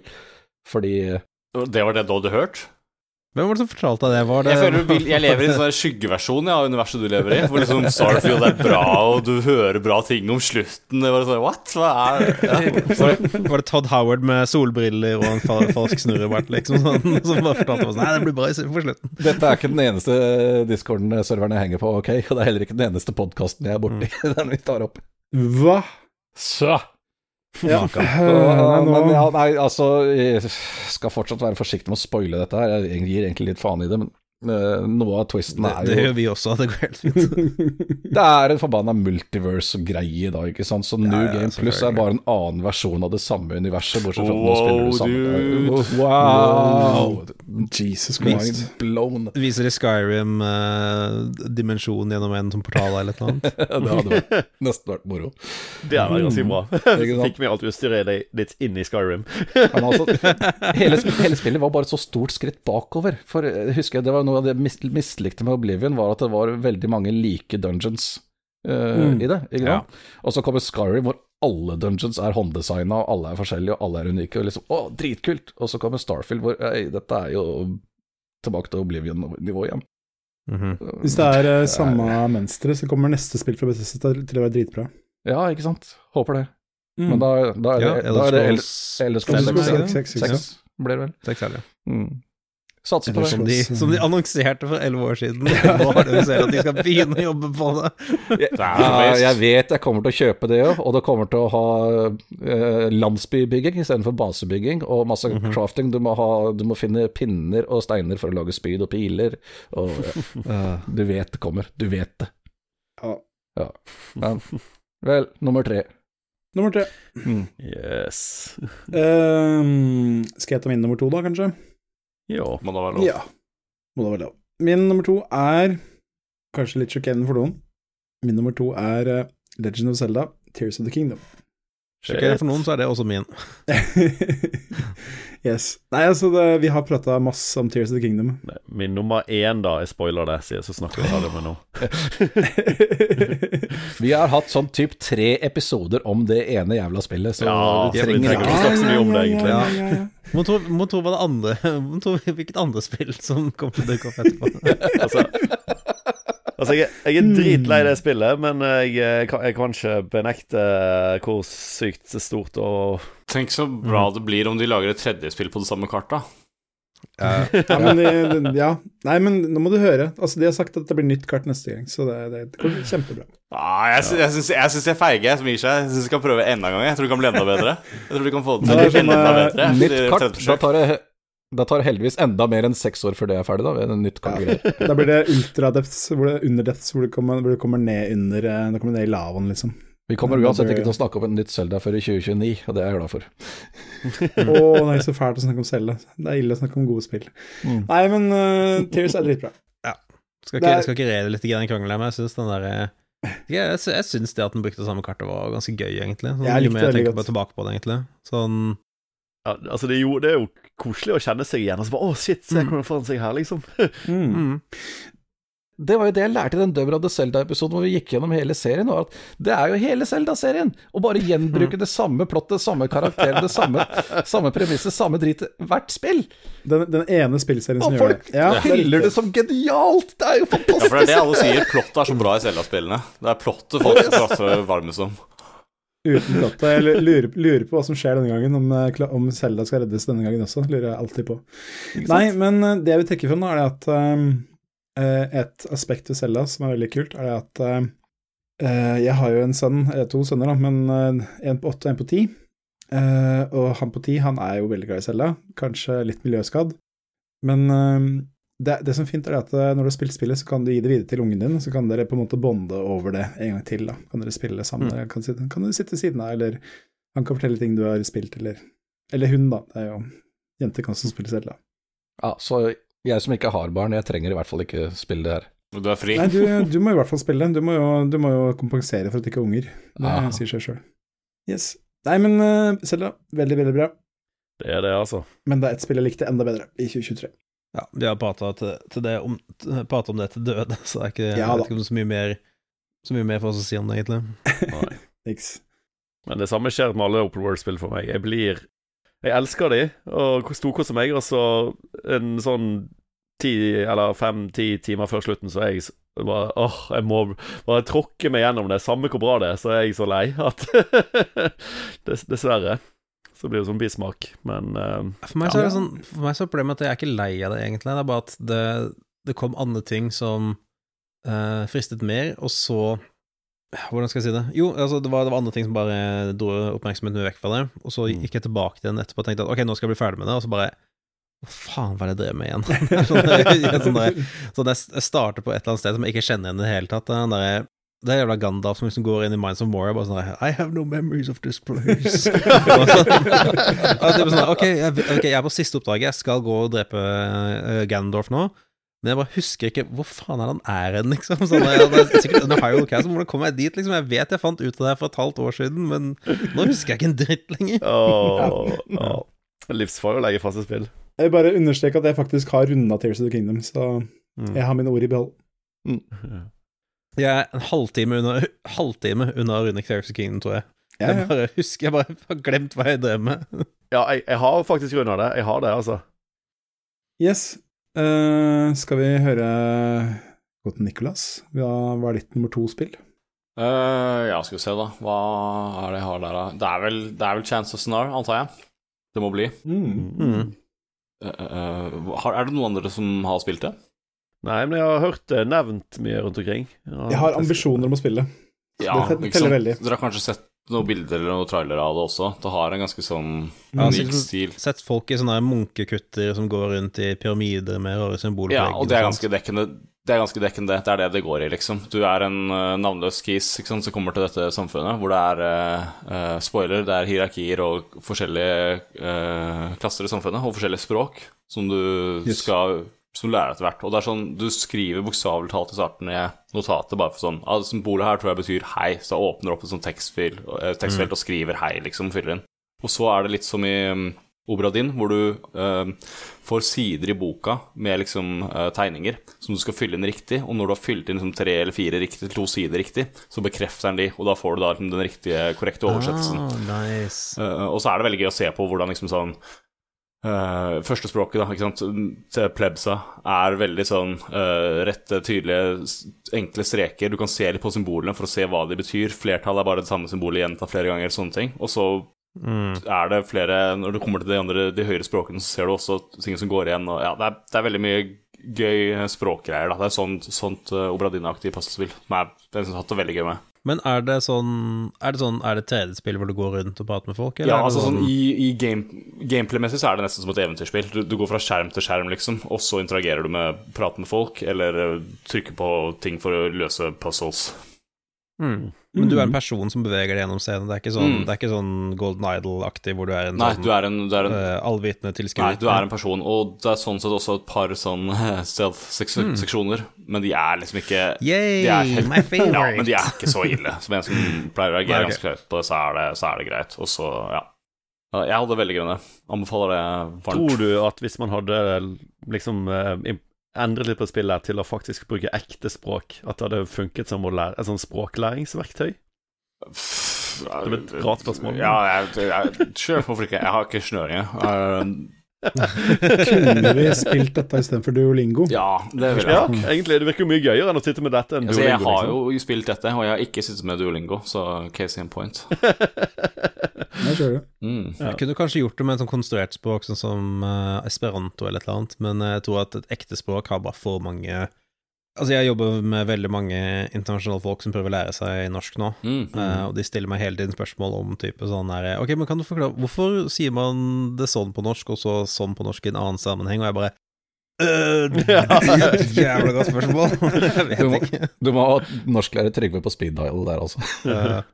Nei, men altså, det, er, det er jo sånn, sånn er jo språk. Altså, engelsk er jo ikke et språk, det er uh, seks forskjellige dialekter eh, i en stor frakk, liksom. Det er ja, ja.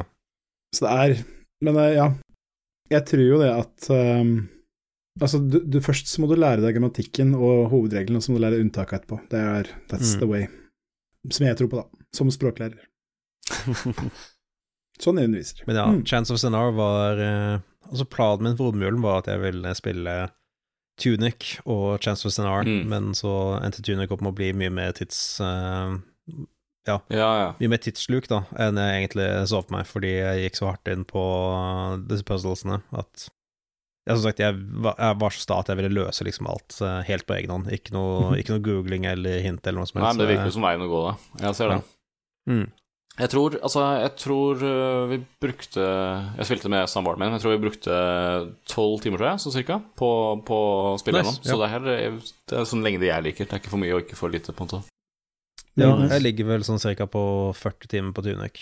Eh, Ikke sant. Men mye av det er jo bare å løpe rundt og brute force eh, puzzles og dobbeltsjekke hver eneste krok, liksom. Så Ja, ja, det er jo et, et sånt kjernespill er spill. vel kanskje, Når jeg spiller det, så kjernespill er vel kanskje 20 minutter. Ja, jeg ser jo på det, og så tenker jeg jo sånn Dette er det de andre gutta mener med Selda, liksom. Jeg ser at, uh, Mm. at det skal ligne på de eldre.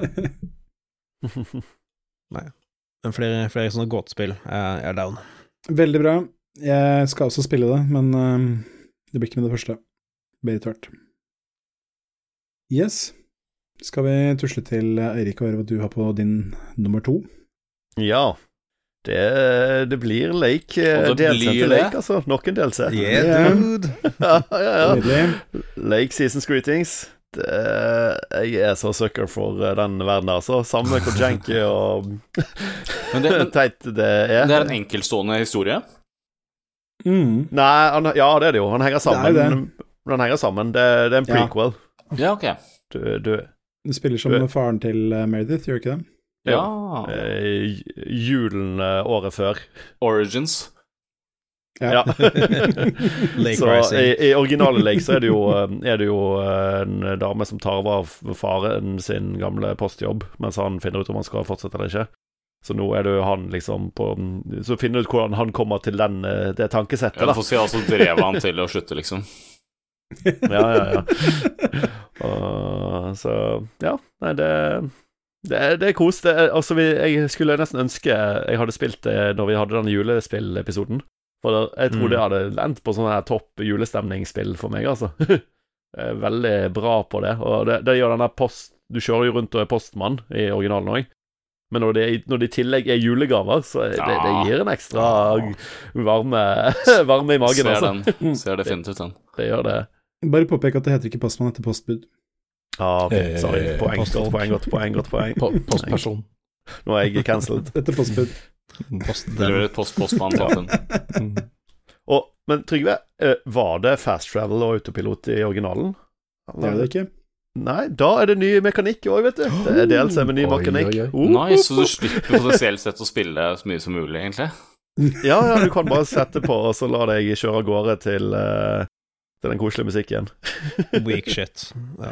Jeg er, eh, jeg jeg er anti-fast travel league her, så Ja, det er, er? Det er dialogbokser og cutscenes. ja, det er jo egentlig det.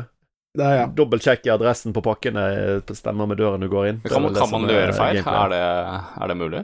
Ja, du kan prøve, så får du beskjed om at det er feil, og så får du ikke lov. Så må du gå tilbake til bilen. Ja, ok. Så du, du, du kan ikke faktisk levere feil. Du blir hindret. Så får du sånn uh, multikill-bonus når du leverer nok pakker i, i på rad. Multi-jul Ja. Quad sånn- delivery, monster delivery og så videre. Men jeg skulle kanskje ønske at de mm, hadde lagt på Det, det, det føles nesten som et fullverdig spi, eh, spill kontra Lake, men det, det er noen sånne DLC eh, cop-outs, da, som at um, mesteparten av musikken er den samme musikken, og Mm. den musikken er veldig sånn Refererer veldig mye til høst. Det er Ja. julemusikk. De har to, to eller tre nye sanger som er julemusikk, men resten er liksom Du hører mest høstmusikk. Så det Amen. Og, og så har de ikke giddet å De har liksom modeller og sånn. Du, du, du, det er for eksempel en isfiskescene. Men der sitter du med postuniformen på. Men det er litt Ja. sjarm òg, da. Men Uh, Det- Passer uniform med sånn shorts og T-skjorte, liksom, eller? Nei, det er det ikke. Det er det ikke. Okay. Men altså, det kan jo hende det er realistisk at Postbud bare, når de skal isfiske, så tar de på seg uniformen sin. Det er ikke, Ja, kanskje, det vet vi ikke. Ja. Men du eh, koste det Syns du det nådde opp til originalen du, eh, Trygve? Du er vel den som Eh, min meg. mørke hemmelighet er at jeg har ikke spilt ferdig Seasons Greetings. Jeg tenkte jeg skulle spille Ah, i jula, og så ble det ikke tid. Eller jeg gadd ikke ta meg tid, så Men Ja, ja, eh, ja. jeg kan gjerne ta litt julestemning i Treasons greetings fra deg, som ikke ja, ja, ja. Mm. Nei, men jeg er keen på å spille lek, ass. Det, det virker som Altså, det virker som, det virker som sånn comfy-spill som jeg hadde falt for. Veldig, ja, det er kjempekomfy. Trenger jeg til å rote meg til å gjøre det. Super, ja. super Du sparer det til høsten. September. Uh, ja. Last days of September. Days Eh, of September. Problemet er litt som at jeg har alltid å spare det til når det er liksom sånn Sånn sesongpassende, men da har jeg så mye andre ting som foregår også, så ja. Spill i er sommer, det er null stress. Det er, mm. Kan du mimre om uh, sommeren som snart er slutt, og en sånn bittersøt kan lengte til, til senåret. ja, ja. Det, det jeg håper at de fortsetter, at vi får en DLC for hver, eh, hver årstid, men vi Tror du det er sannsynlig? Nei. Lake beach, beach party, liksom. Ja. Nei da. Nei, men lek er bra. Spill det. Spill er Greetings. Bra også, det, det ja. Mm. Jeg klarer ikke å konsentrere setninger lenger. Hvis man, hvis man har terskel for at, at gameplay ikke er så bra, og at det er litt eh, jank Altså, det, det, er ikke, det er ikke at gameplay er dårlig, det er at du, du må på en måte tenke at det er det som er spillet, at du skal eh, bare Prate med folk. trives med det der um, Prate med folk, treffe folk. eh, Du kan jo treffe tilfeldige folk rundt omkring i byen mens du leverer brev og pakker. Og så er det det å Sånn er livet til et postbud, da. Ja, altså det er litt sånn som å møte en La oss si sånn, hvis du møter en i virkeligheten, da, noen du kjenner tilfeldig på gata. Et spill som på en måte emulerer den Å ja, det var litt hyggelig. Ja, ja. Så, så skru, skru, skru opp noen hakk, da. Genuint en ting jeg likte, mest, likte best med Pentiment, var bare det å Mm. tasse rundt i den landsbyen og bare slå av en prat med landsbyboerne og spise middag med de og ja, bare bli kjent med de, liksom. Så. Mm, mm. Ja. Yes. Nei, det er uh, god stemning. Hmm. Yes. Uh, skal vi tusle videre til Sindre og høre hva ditt uh, nummer to er? Det har vel blitt nevnt allerede, men Ja, jeg sa min nummer to, det er jo Det var of Kingdom. Det er bare ja. sånn eh, Hva skal jeg si? Eh, det er ikke mye mer å legge til for min del, egentlig, bortsett fra at Det eh, er ikke bedre enn Siege. Hey, eh, Breath, Breath of Wild, som jeg likte, uh, hva om du bare legger til uh, byggemekanismene fra Besieged, og lar deg lage enten idiotisk overkompliserte mekanismer for å bare fly over, et, eh, fly over en sånn chasm, eh, eller ekstremt risikable Korok delivery mechanisms som uh, Det er 80% sjanse at de bare sender, sender den ned i en vulkansk hull, eller la, eh, sender den de ti meterne rett ned bakken den egentlig skal gå. Så Yes. Ja, ja. God stemning der også. Terje, ditt nummer to, da? Vel, jeg sliter veldig med å velge mellom hvem av disse to jeg skal sette over den andre. Er, er det Starfield igjen? Ja, ja, ikke sant? Nei, for den, den, den ene er helt klart mye mer teknisk kompetent enn den andre, men så er det det at det, tross alt så koser jeg meg mer med stilen i den andre enn mm, Ja, ta den du koser deg mest med. Følg hjertet. Jo, det eh, Sarfield, jo Ah, ok, okay, vi, vet du hva? Ja, på nummer to så setter vi Jeff Minter og Akka Arr, Yeah. Hell yeah. som er så teknisk skreddersydd arcade action som det kan få blitt. Oh yes. Ja. Det Ja, vi, vi snakka jo en del om det for et års tid siden, så Gjorde det. Eh, og det, det er det som er haken, da. Det, det, eh, det er jo så godt designa og så bra, disse her Arcade-spillene som Jeff Minter lager. Jeg elsker dem egentlig, og jeg ønsker å bruke all tiden i verden på å spille bare sånne spill som det her, men jeg gjør det ikke.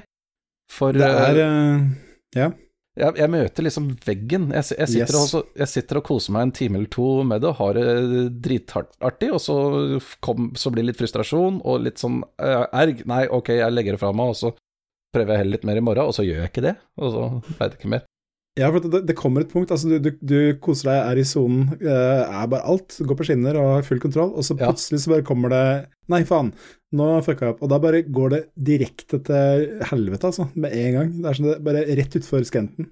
For det er, det er det Minter Han sier det, han designer etter det. Han, han øh, jager den haien øh, der sånn, hvor, det er, hvor du kommer bare liksom inn i sonen på sånne spill. Sånne spill som bare er kaotisk, og det er jæsklig mye som skjer, og du bare er i sonen og håndterer alt. Mm. Den spesifikke highen er den han designer spillene for, å- for å prøve å få spillerne til å havne i og nå. Det er akkurat det han prøver å oppnå. Mm. Og Var øh, det, det er jo det uttrykket flow, flow state. Eh, Ja, det er flow vet, ikke om state, det, det er- vet ikke om det er han som har coina det eller ikke, men ja. Jeg tror ikke det, men det, det, er, altså, det, er, det, det er det det er snakk om. Mm. Ja. Du har flow state. Det er eh, For i AKR så foregår det mye. Det er mange mekanismer hele tida. Ja. Og jeg, jeg, jeg, driter i hvor multitaskende du er. Du greier ikke å følge med og ha oversikt over alt. Det, du, må, du må bare holde på med det nok til at du kjenner de forskjellige mekanismene nok til at Mm. alt blir bare second nature. Sånn at du, du reagerer nærmest ubevisst og bare gjør de riktige tingene. Eh, Det Mm. er det, De øyeblikka er magiske. Og du har de øyeblikka relativt ofte i Minterspill, for det er som sagt nettopp det han designer de for. Mm. Mm. Så det, det som er verdt å nevne, er at eh, Minter han designer spill um, ikke etter liksom best practice for uh, tilgjengelighet og lesbarhet og sånne ting. Han designer etter sitt eget hode. Ja. Så ting som kanskje ikke er sånn superviktig, det får veldig mye oppmerksomhet. Og ting som kanskje er veldig viktig, det er ikke like sikkert at det er lett å få plukke opp alltid. Nei, Så det er, um, Nei, for jeg ser på trailer, det. f- her nå, og bare sånn Hvordan vil du beskrive den estetikken her, egentlig? Det er liksom Kakofonisk. Ja, det er, er det, sånn, Eh, det er veldig flashy programmer art, liksom. Altså sånn det Mhm. yes, dette er 1979 Arcade. mm. Ja, er rett og slett det der. Mm, Hvor det var én person som bare laga hele sølamitten aleine. Ja. Ja. Jeg, jeg føler at eh, akkurat AKR, altså det er jo Atari som har eh, kommet inn og gitt han et gammelt spill, en gammel Ja. prototyp som ikke ble ferdig. Stemmer det. det var, dette var eh, et spill som Atari begynte å designe og lage på den tida, rundt eh, tidlig 80-tall, slutten av 70-tallet eller noe sånt. Mm. Mm. Og som bare har ligget. Og Minter har jobba sammen med Atari ganske ofte. Jeg tror, jeg tror han var klar over å ha sett den prototypen eh, før. Han kjente til dette her. Er artig. Ja. Og liksom da Atari ba, ba om et eller annet i en eller annen sammenheng, jeg husker, det var vel kanskje jubileet deres. Mm, ja, de feirer 50 år i, for to Ja. år siden. Så hyra de Minter til Hei, eh, lag noe kult eh, sånn Minterspill for oss for jubileet vårt. Og, og det var han- var han sjøl som sa, vet du hva, jeg tar det der akka-arr og ser om jeg kan gjøre noe med det. Mm. Just mint it up.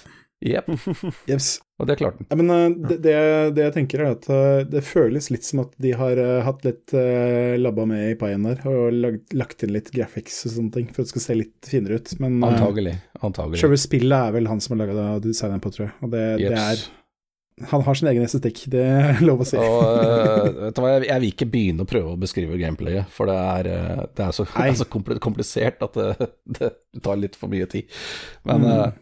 Men jeg vil, Det er veldig bra. det Ja, jeg, jeg, jeg har ikke nevnt det i sted, men det du pratet om tid, eh, nå i sted med at um, det er et spill du liker veldig godt, men du har ikke klart å putte mye tid inn i. Det er akkurat sånn jeg føler om det der Polybius, som er et av de tidligere spillene, eh, et av de Ja. forrige spillene hans. ja, det er et av de jeg har spilt mest av de nyere Ja, vinterspillene. Ja. Jeg digger det spillet. Yes. Eh, jeg tenker på det ofte. Jeg anbefaler det til folk som liksom er interessert i små spill. Mm. Jeg har vel kanskje sammenlagt spilt det i to og en halv time. Men det er sånn Det er bare så sinnssykt bare intens sensorisk opplevelse at uh, den bare gjør et uh, permanent inntrykk på deg. Det er det. Og det beste er selvfølgelig hvis du spiller det i VR. Det er det jeg har gjort. Så, Ja, ikke sant. Det, det føles som at eh, en Prodigy-video fra 1994 kommer for å drepe deg, liksom. Det det, skulle, spille, det, det skulle fungere på alle sånne nye teknologier, så på den tida det kom, så hadde jeg 3D-TV og 3D-briller, og det Oh støtta, støtta ja. jo det òg. Bare det funka som faen. Selvfølgelig tar mindre og støtte 3D-TV. Ja, ja, for det, ja, for det var jo sånn innover i skjermen uh, racer-type spill, ikke sant. Så Ja, ja. Du, du, du kjører jo liksom i en eller annen form for tunnel hele tida, så å se, ha det i 3D-vision eller VR, Ja, Kjøre ned en tunnel eller på utsiden av en sylinder eller ja, ja. ja ja, midt i blinken hele tida. Og fullstendig kaotisk uh, og uoversiktlig, ja. Men Mhm. du finner flowen. Jeg kom nesten til level 30 eller noe sånt nå i det. Dæven, ok. Det er, det er stykken, faktisk. Det er det. eh, ja. Det, jeg husker ikke hvor langt jeg har kommet, men eh, det er lenge siden jeg har spilt det òg. men Mm. eh, ja. Nei, kongespill. Vi har, eh, når vi skal ha episoden hvor hva vi gleder oss til i 2024, så har vi litt mer å si om Mintra, så vi har det. Vi kan ta en helt egen episode om Minter, Kan kanskje. egentlig det. Ja. Men det, da venter vi litt. Mm. Av uh, grunner som er åpenbare for de som vet. yes, yes. Skal jeg ta mitt uh, toppspill i 2023? Kjør på. Ja. Go, go. Ja, alle vet jo hva det er uansett, altså. Ja, selvfølgelig Kan man gå videre.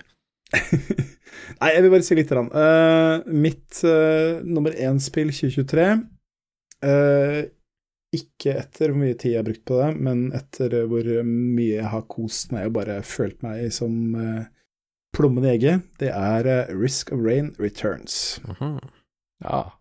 Det har litt sammenheng med det som er at vi snakka om med Vampire Survivors da det var en ting, eh, at du bare får den der eksplosjonen av eh, gull og XP og monstre og alt mulig som gir deg bare den super endorfin-rushen.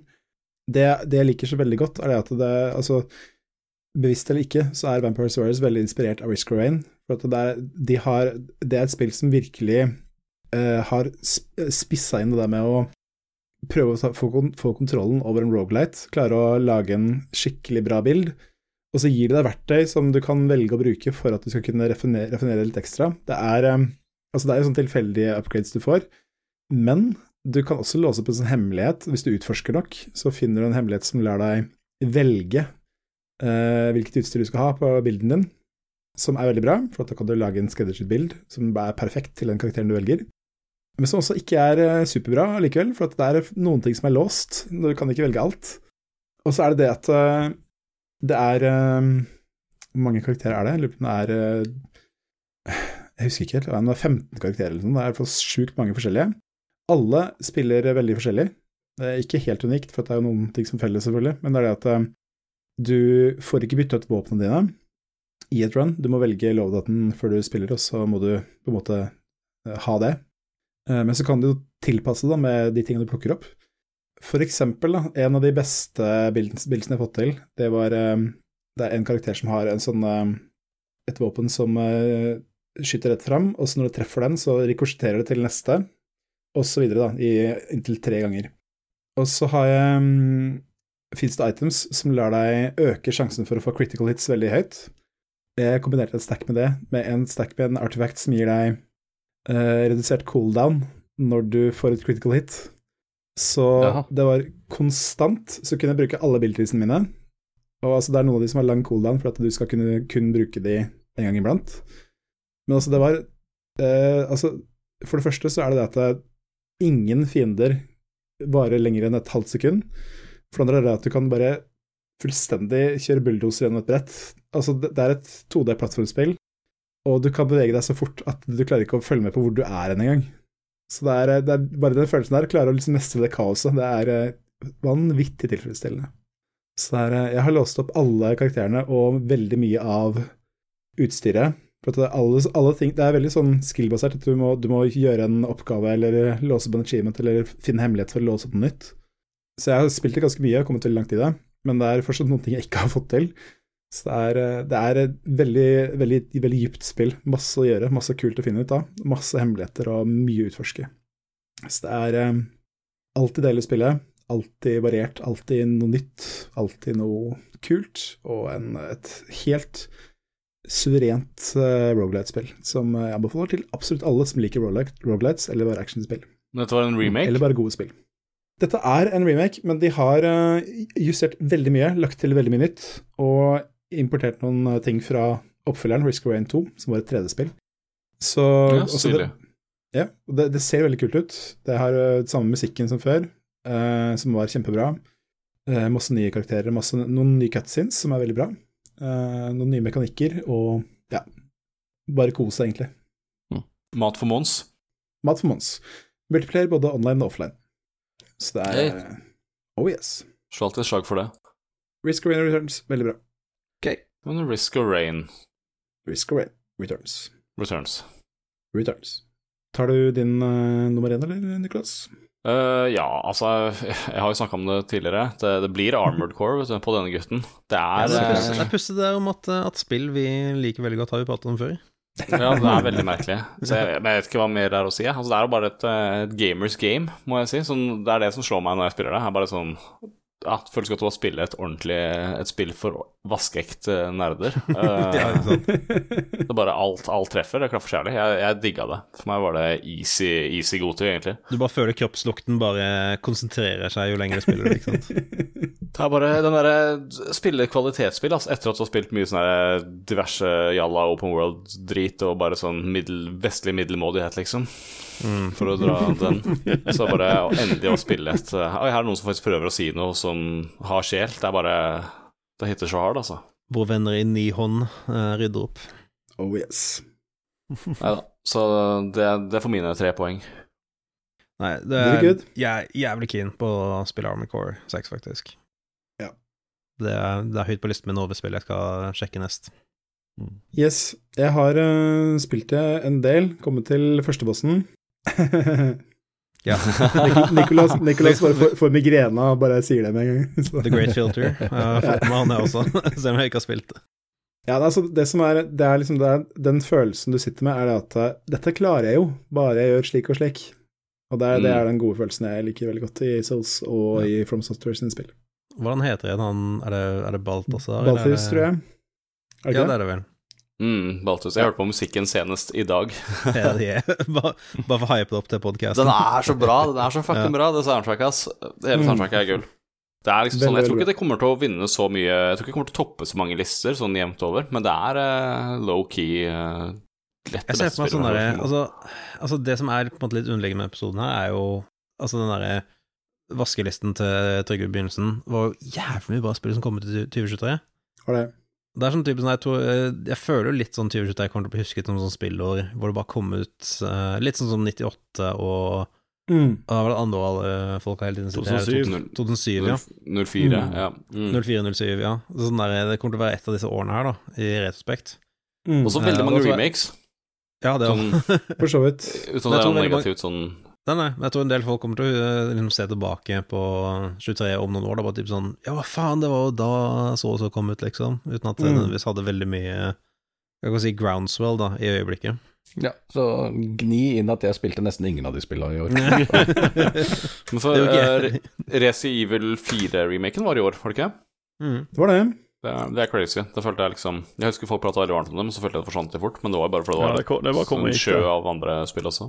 Altså, Mm. folk spilte Resident Evil, en ny versjon av Resident Evil 4 og var Ja, det er et bra spill. Og Ja, det er jo det er helt ikke noe overraskende med det, liksom. Ja. Det er ikke det, altså. Nei, altså, jeg, jeg har ikke spilt Resident Evil 4 remake. Jeg spil- spilte demoen, tenkte ja, det er Resident Evil 4 remake.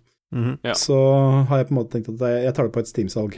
Det er um, Ja, ikke sant.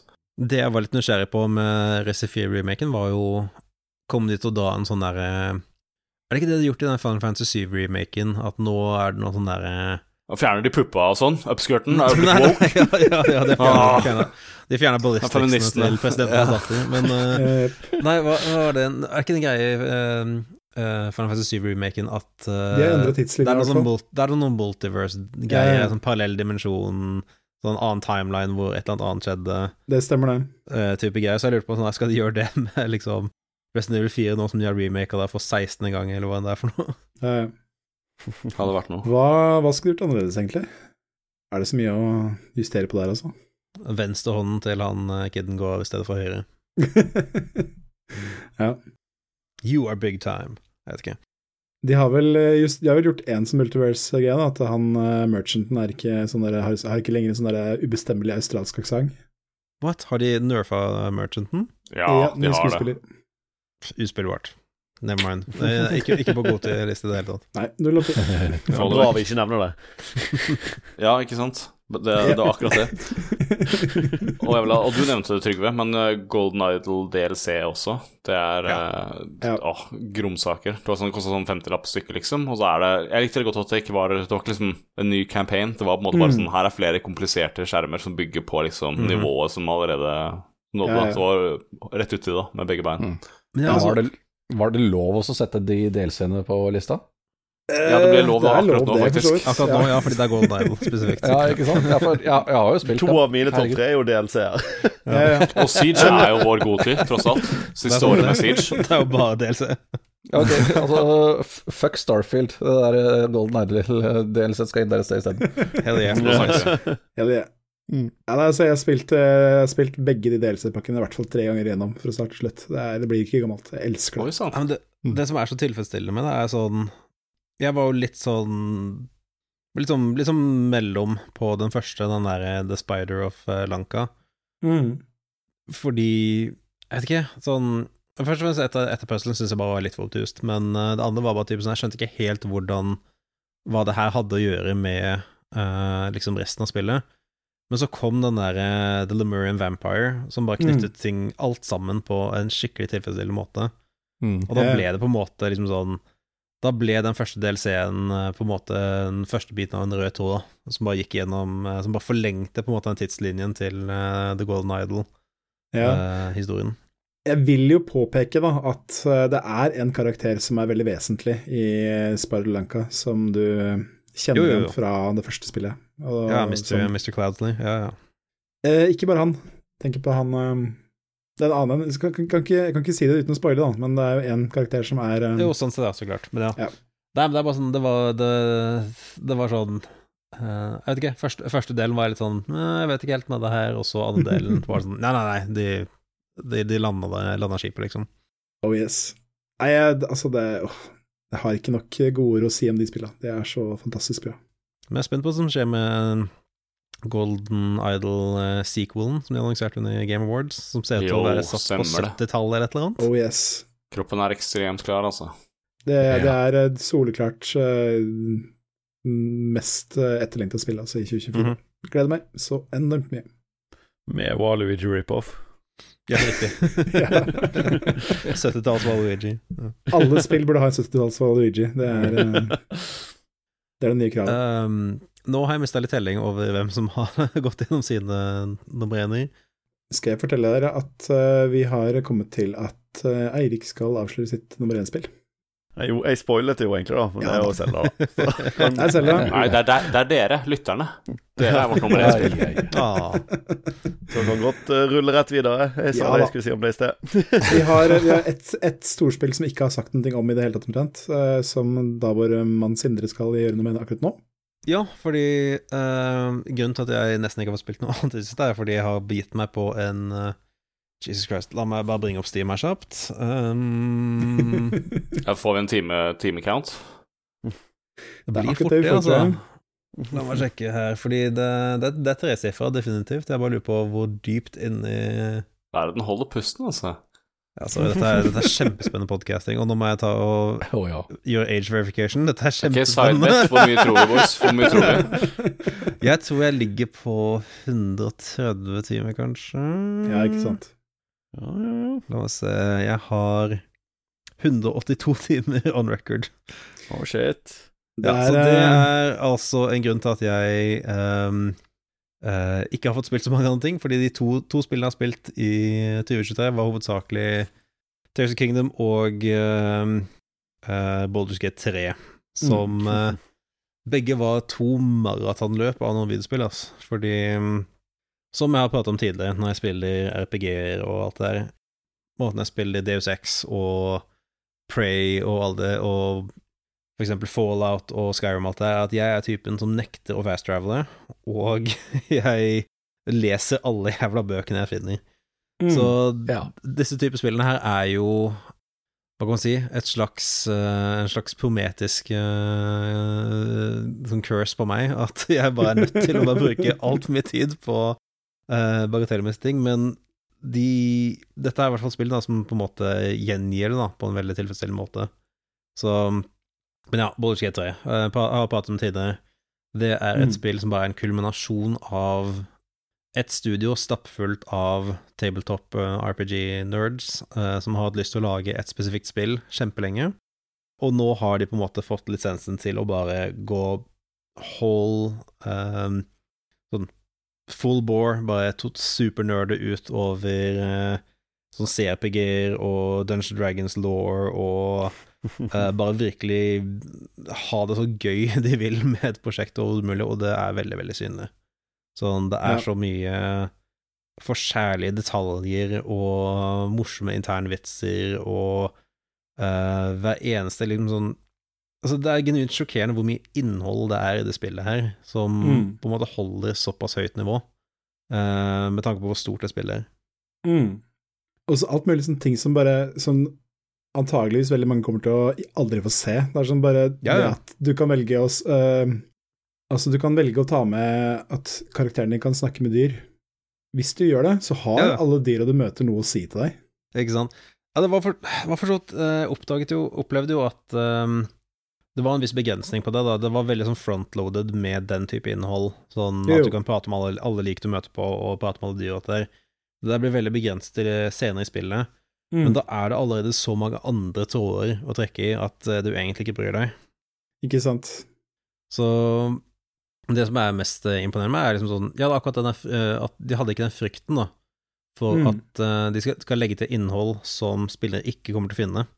Mm. Så um, Altså, det er jo på en måte en litt sånn typisk eh, sånn CRPG-greie, da, at uh, Ok, du har Du kan ta Du har liksom spillerkarakteren din, og så har du tre uh, companions du kan ta med deg, og i løpet av spillet så har du kanskje totalt mange er det? Åtte eller ni companions du faktisk kan ende opp å ha med deg, så du kan aldri liksom ordentlig kan, Du har ikke tid til å henge med alle bestevennene dine samtidig, så du må liksom ha flere playthroughs, eller folk kommer til å ha vidt forskjellige playthroughs, avhengig av hvem de de hekter seg mest fast på, da.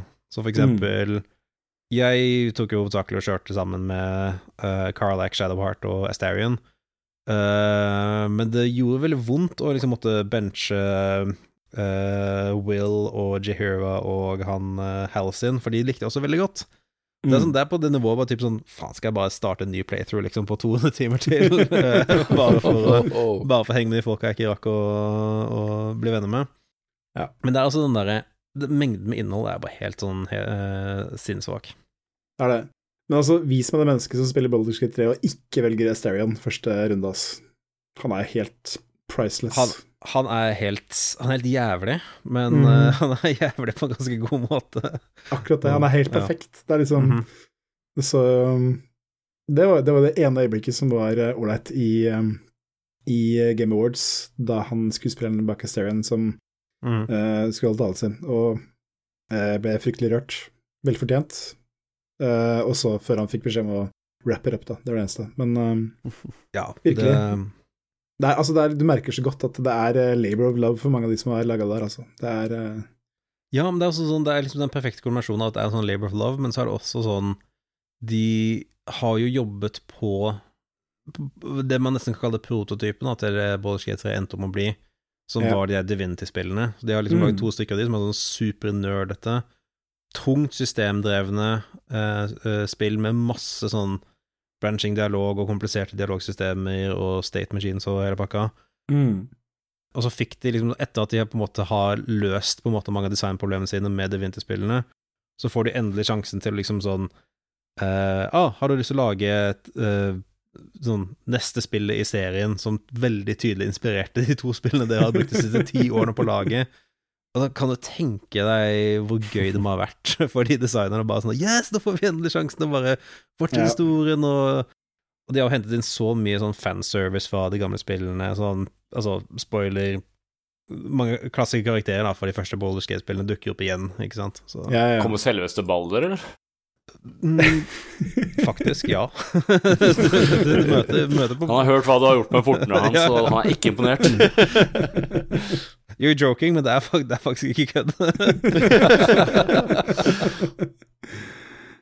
oh, ja, det er eh, Det som på en måte Det var jo en sånn liten kontrovers også, da, at det var mange utviklere som sa ah, vi må ikke tro at dette er den nye normalen, for dette er eh, dette er en enhjørning, liksom. Og det Jeg tror vel folk kanskje skjønner det, at det er ikke Dette er ikke noe som er hverdagskost på noen som helst slags måte. Det der er sånn derre Altså, altså Baldur's Gate har lett joina rankene av de spillene som Litt sånn som, som Portal og Wild Talt er, som er sånn spill jeg bare sånn Fy faen, jeg skulle ønske jeg jobbet på det der, altså. For det Ja. hadde vært en så herlig prosess fra start til slutt. Og jeg sier jo det nå, og så om to måneder kommer det sikkert være en eller annen sånn her eksposé om forferdelige working conditions og sexual abuse og solarium. Men, Ja, eh, selvfølgelig. Ja, da, jeg bare sier det her nå, sånn at folk kan klippe det her og poste et videoklipp. det poster lydklipp av det og når, når alle, alt skittentøy kommer ut, men ja, ja. Mm. Blir du cancelled? Ja. Eh, Jeg ser fram til eh, overskriftene. Norwegian guy eh, claims he would love to work on Baldur's Gate 3. The notorious abusers and Ja, ikke sant. Mm. Nei, men uh, ja. Jeg tror vi Altså, det har vært ganske sånn panegyrisk hyllest av det spillet. Det er jo Vi får bare slutte oss til det. Er um... Altså, skal også si at det er ikke uten problemer, selvfølgelig. Nei, fordi selvfølgelig. et Ingenting spill med så mange bevegelige deler Det er mye, ja. mange ting som er janky. Det har vært Hvordan er skytinga? Ja, ikke sant. Veldig bra gunfield.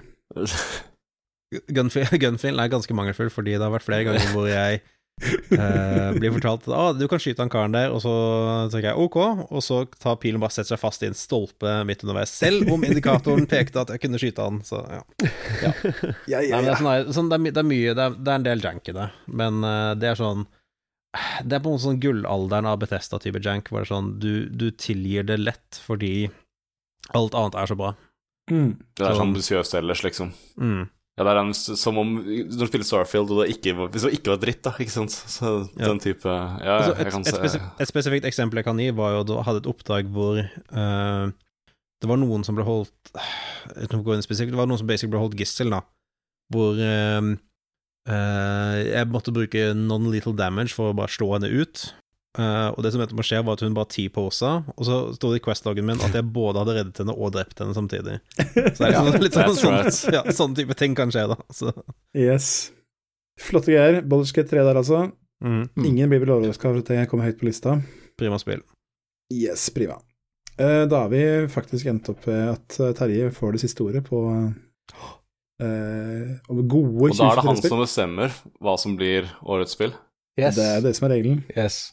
Nei da, jeg er fortsatt litt sånn Jeg burde satt Akkar over denne, men eh, fuck it. Eh, jeg, eneste siste jeg har spilt, er da Deliverous Mars, Ja. Ja, nettopp. som eh, Vel, det har ingenting øverst å gjøre på eh, helt på egne ben, egentlig. Dette må, ses, abs det må absolutt ses i sammenheng med, eh, at det, med det første spillet i den serien, Deliver Us the Moon. Ja, for du, du sa vel det at du var litt skuffa over Deliverance Mars, var det ikke det du sa? Ja, altså det var en liten nedtur fra Deliver Us the Moon, men uh, det, det, er, det er fortsatt knall stemning, atmosfære og alt det der. Så det, det jeg likte, da. Mm. Ikke sant? Men det hadde litt sånn janky ting i, i tillegg. Altså Det la til et par ekstra spillelementer som uh, fjellklatring, liksom. Du må klatre rundt på bergvegger og, og sånt. Men sånn.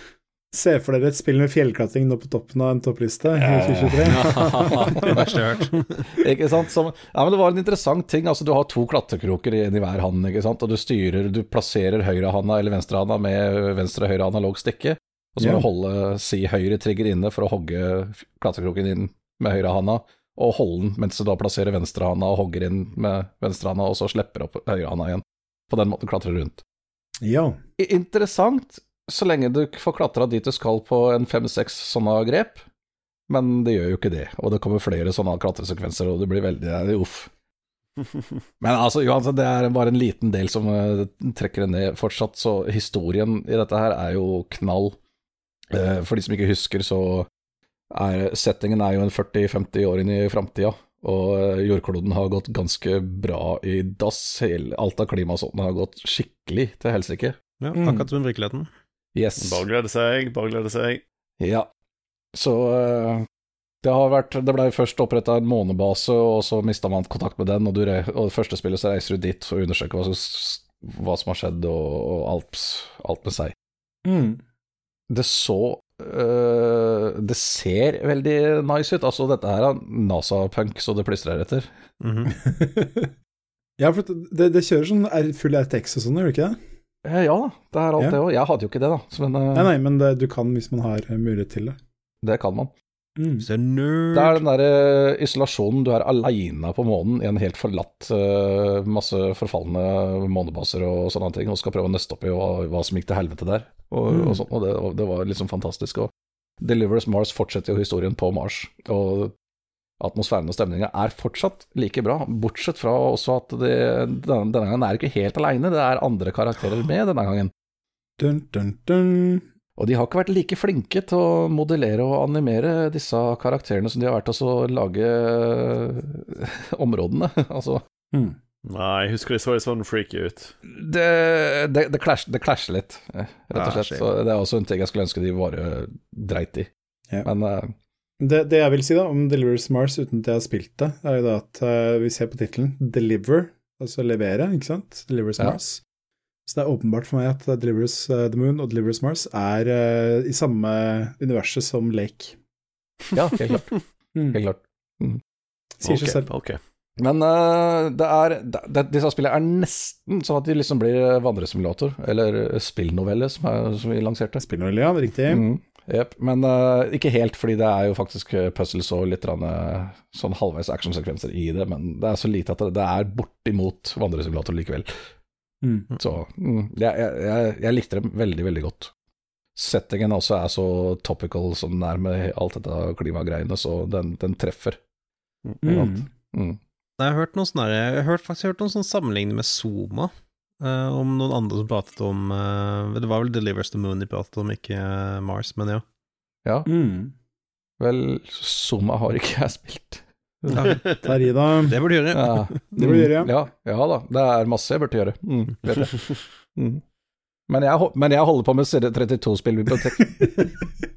Og spille litt Dangerous Streets før.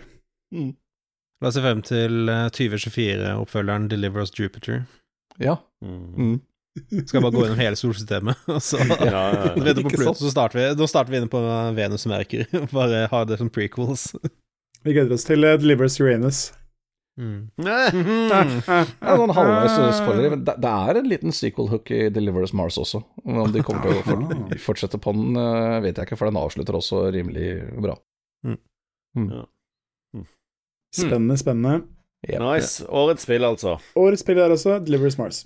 Eller er det? Fordi det jeg var innså- faktisk det var faktisk min beste spilleopplevelse av 2023-utgivelser. Altså, jeg har jo spilt mye mer spill enn de tre i år, selvfølgelig, men det er kun de Ja, tre. ja. Det er vanskelig å konkurrere med Brian the Lion, det skjønner jo alle. Ja, ja, Brian the Lion kommer med sjølveste sluggeren, sjølveste slegga, Brian the Lion. Da er det få som kan bli stående, altså. Ja, jeg- dro fram noe negativt med at ja, Brian the Lion var litt sånn floaty kontroll og sånt, men ikke sånn at det, det er ikke, spillødeleggende, liksom. Det var var bare en tilvenningssak, så er det f- kjempebra fungerende plattformspill. Ja, Ja, ja. er. Ja, men Ikke, det ikke, ikke diss Brian. Nei, jeg har ikke sagt et vondt ord om Brian Delaney. Men jeg innser jo at vi har nå alle sovet på det egentlige Game of the Year i 2023. Jeg bare kom på et spill som kom ut som jeg er egentlig sjokkert over at vi ikke har pratet om. Det er jo High On Life. Just Ja. Royland sitt uh, Opus Magnum. Var det 2023, ja? Det var det. Det var det. Det var føles så endeløst, så er det Justin Royland-maset, liksom. Føles som det har vart i hundrevis av år. Ja, fordi grunnen til jeg kom på det, var fordi når uh, Trygve pratet om disse Hva skal jeg si uh, Shabby modellerte MPC-ene, uh, var fordi Mm. Jeg husker jeg så på opptak av uh, High On Life, og de har én menneskelig karakter i det spillet, og det er på en måte søstera til hovedkarakteren, og det er så veldig opplagt en sånn derre Unreal metahuman, sånn der pregenerert uh, sånn shit, sånn der menneskemodell som bare ser helt jævlig ut. Jepp. Herlig. Det er uh, Altså Jeg hadde jo litt trua på det spillet, men eh, det viste seg å være dumt. Mm. Det er bare irri- pissirriterende og dritdårlig. Ja. Nei, sorry, jeg mente ikke bringe opp det på, på, på, på slutten av episoden. Jeg bare kom på det nå. Ja, for nå ble det god tid. Helvete. Nå ble det Ja, tid, ja. faen. Ja. Det er det siste spillet du nevnte, derfor er det på toppen av lista. Faen. Ja, Altså, ja, sånn kan ja. Life er Siege, altså Siege, Siege, uh, Halo 2. Uh, Kabal.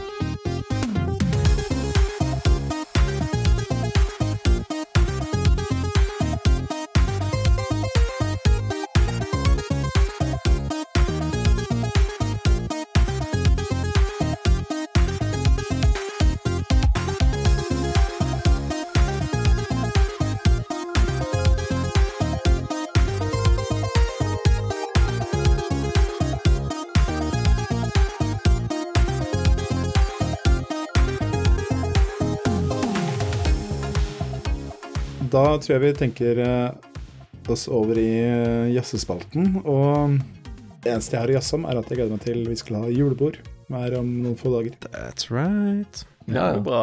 Som alle lytterne her også er invitert til. Det er bare å Nei, komme det er det hvis- ikke. Nei, her, Overhodet ikke. jeg skal, jeg skal, til å si at hvis de kan reise bakover i tid, får sjanse at episoden er ute før da. Ja, det er derfor, det er derfor vi, det. Sindre jeg var så veldig sånn på Nei, ikke si det, for det, det skaper falske forventninger. Ja. Mm. Nei da, men det kommer til å bli bra. Vi møtes vel eh, De fleste av oss møtes vel da. Jeg husker ikke hvem som meldte seg på. Jeg tror alle ja, for ærlig skal- talt, de fleste som hører på podkast her, kom, er jo invitert til julebordet. Ja. Ja, det, er, det er jo for så vidt riktig. Nei, men det blir bra, gutta. Vi gleder oss. Eh, og da eh, bringer vi ordet til Eirik, eh, mannen som hater meg mer enn noe annet i verden akkurat nå. Nå er jeg spent her, altså. Hvor han skal jazze om sine ting. Take it away, Eirik. Unnskyld at jeg var så kjip mot deg. Ja. Altså, vi er Av alle dere, og alle som hører på, sikkert, det er jo sånn um, ordentlige uh, nerdedudes som spiser sin andel frossenpizza, går jeg ut ifra. Det hender. Ja. En gang Og iblant. når jeg har uh, tatt mitt pizzahjul og kuttet min frossenpizza, så pleier jeg å legge det i vaskemaskinen. Og da har jeg lagt det, lagt det Jeg har sånn bestikkskuff. Og når jeg ikke har hatt det, så har jeg lagt det liksom i koppgreien. Flatt. Ok, jeg henger med hittil. Ja. Ja. Mhm. da Hver gang jeg tar den ut av oppvaskmaskinen, så er det liksom noen sånne paprikafliker som henger klemt mellom, um, mellom håndtaket og hjulet. ja, vi har alle vært der. Men nå, så Så har jeg funnet løsningen. Hvis man stiller det loddrett i oppvaskmaskinen, så spyler dysene gjennom inntil bladet, og spyler av alt. Så kommer det ut helt rent. Ah, Wow. Så får du ikke legge det, så legger det sammen med tallerkenene, liksom. Ja, ja. Så du Hmm. får eh, lene opp til et eller annet så det står loddrett, da. Ja. Det er faktisk pro tip. Life hack. Ja, jeg ble veldig glad når jeg oppdaget det. Så skulle jeg til å poste det rett på korden vår, så bare Vent litt, her er, her er konten er til podkasten, vet du. Svaret til til podcasten. Kan jeg avsløre at eh, som ungkar og i min leilighet så har jeg bare en sånn liten benkmodell av en oppvaskmaskin som bare er sånn én hylle. Mm. Og den eh, har en bestikkkurv, så alt bestikket mitt er stående allerede likevel. Ah, Jeg, jeg, jeg trodde du skulle så si at du har en dedikert sånn pizzahjul. Sånn der Ja, jeg trodde du skulle si at du hadde en liten modell av en oppvaskmaskin på benken. En Lego-figur.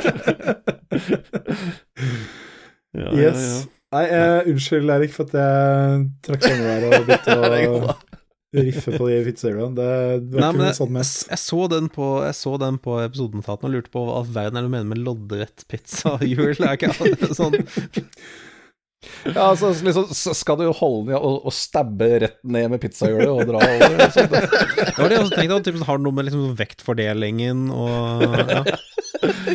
Ja, ja, ja. Jeg lurte på om jeg har gjort det feil hele tida, bare at det egentlig er liksom at det loddrett pizzahjul, og så holde loddrett, at det er, at det er liksom en life hack. Og at det, man, egentlig det vanlige er å holde pizzaen loddrett, og så bruker pizzaer vannrett. Men jeg begynte å sjekke det. ja. Det hadde vært så gøy om jeg hadde misforstått det i alle år. Ja, veldig godt pizza, ved siden av alt chili ramler av. Jeg er noe kontroversiell, bruker bare en kjøkkenkniv. Ja. Ja, ja, ja. Jeg bruker ikke pizza i pizzahjul engang. Jeg hadde en kompis som sverget til pizzasaks. Det Ja, ja. var Oh. satanistiske greier, altså. Jeg tror jeg vi må runde av der, jeg. Men tusen takk for Ølboys. boys. Yes. Ble det for meget for eh, Nicolas? Mm. Ja, nå skal jeg gå og kjøre pizzasaks inn i ørene. Altså. Blitt bestålt av for mye dunkeradiasjon. Jeg fikk ikke, fikk ikke hevde min lille brannfakkel at jeg bare spiser hele pizzaen med kniv og gaffel. Nå snakker vi. Oh, Å ja. ja. Du må brette den som en taco, selvfølgelig. Så. Du ble frem som en taco. Fasiten er der, altså. Ja, så det er også i fjeset. Der har vi det. Og opplagt hele tiden. Ja, men dere, skal vi si at nå har vi gjessa fra oss? Ja, vi har løst, Ja. eh, vi har løst både pizza og videospill. Det er Mm. slett ikke verst for en uh, ettermiddags arbeid, altså. Mhm. Yes. Uh, som den fantastiske programlederen jeg er, så har jeg glemt denne e-posten vår. Men uh, vi har jo en e-post til de som vil kommentere, og jeg har selvfølgelig også heller ikke sjekka om jeg har fått mailer. Det kan jeg gjøre nå. Det har gått to måneder siden sist, så vi får se. ingen som har sendt noe, da. Klarer, klarer vi å gjette hvor mange mails vi har fått på to måneder? Mm, er det kanskje Eh, tre et rundt tall, for å si det sånn? Det er et rundt tall, der vi har fått null. ja, Helt sirkulært tall. alle alle har, er veldig fornøyd med, med Vi må- men det er bra. Jeg var redd det skulle komme noen klager på den der bonusepisoden vår, men det var, kom det jo ikke, da. Det var Nei da, ingen bryr seg. Hvor mange som hørte bonusepisoden, egentlig? Ingen kommentarer i kommentarfeltet på spillhistorie eller så, nei. Sorry. Nei da. Sånn er Vi må være litt mer kontroversielle, gutter. Faen. Ja. Neste episode Jeg prøver, men du klipper jo bare ut alt sammen. Nei, altså det, Når du har kommet med jødehets og sånt, jeg lar alt være. Nei, hei, hei, hei. Fra Frank Holler, Frank Holler. Yes, nei, men hvis, hvis noen følger oss for å kommentere, eh, til forskjell fra de tidligere månedene vi har holdt på med dette her, så kan dere sende til hets, alfakrøllspillegal.no. Jeg lover å En god huskeregel for den mailen her. tenk på favorittdyret ditt, og så bare staver du det feil. Det er helt riktig. Så enkelt er det. Ah,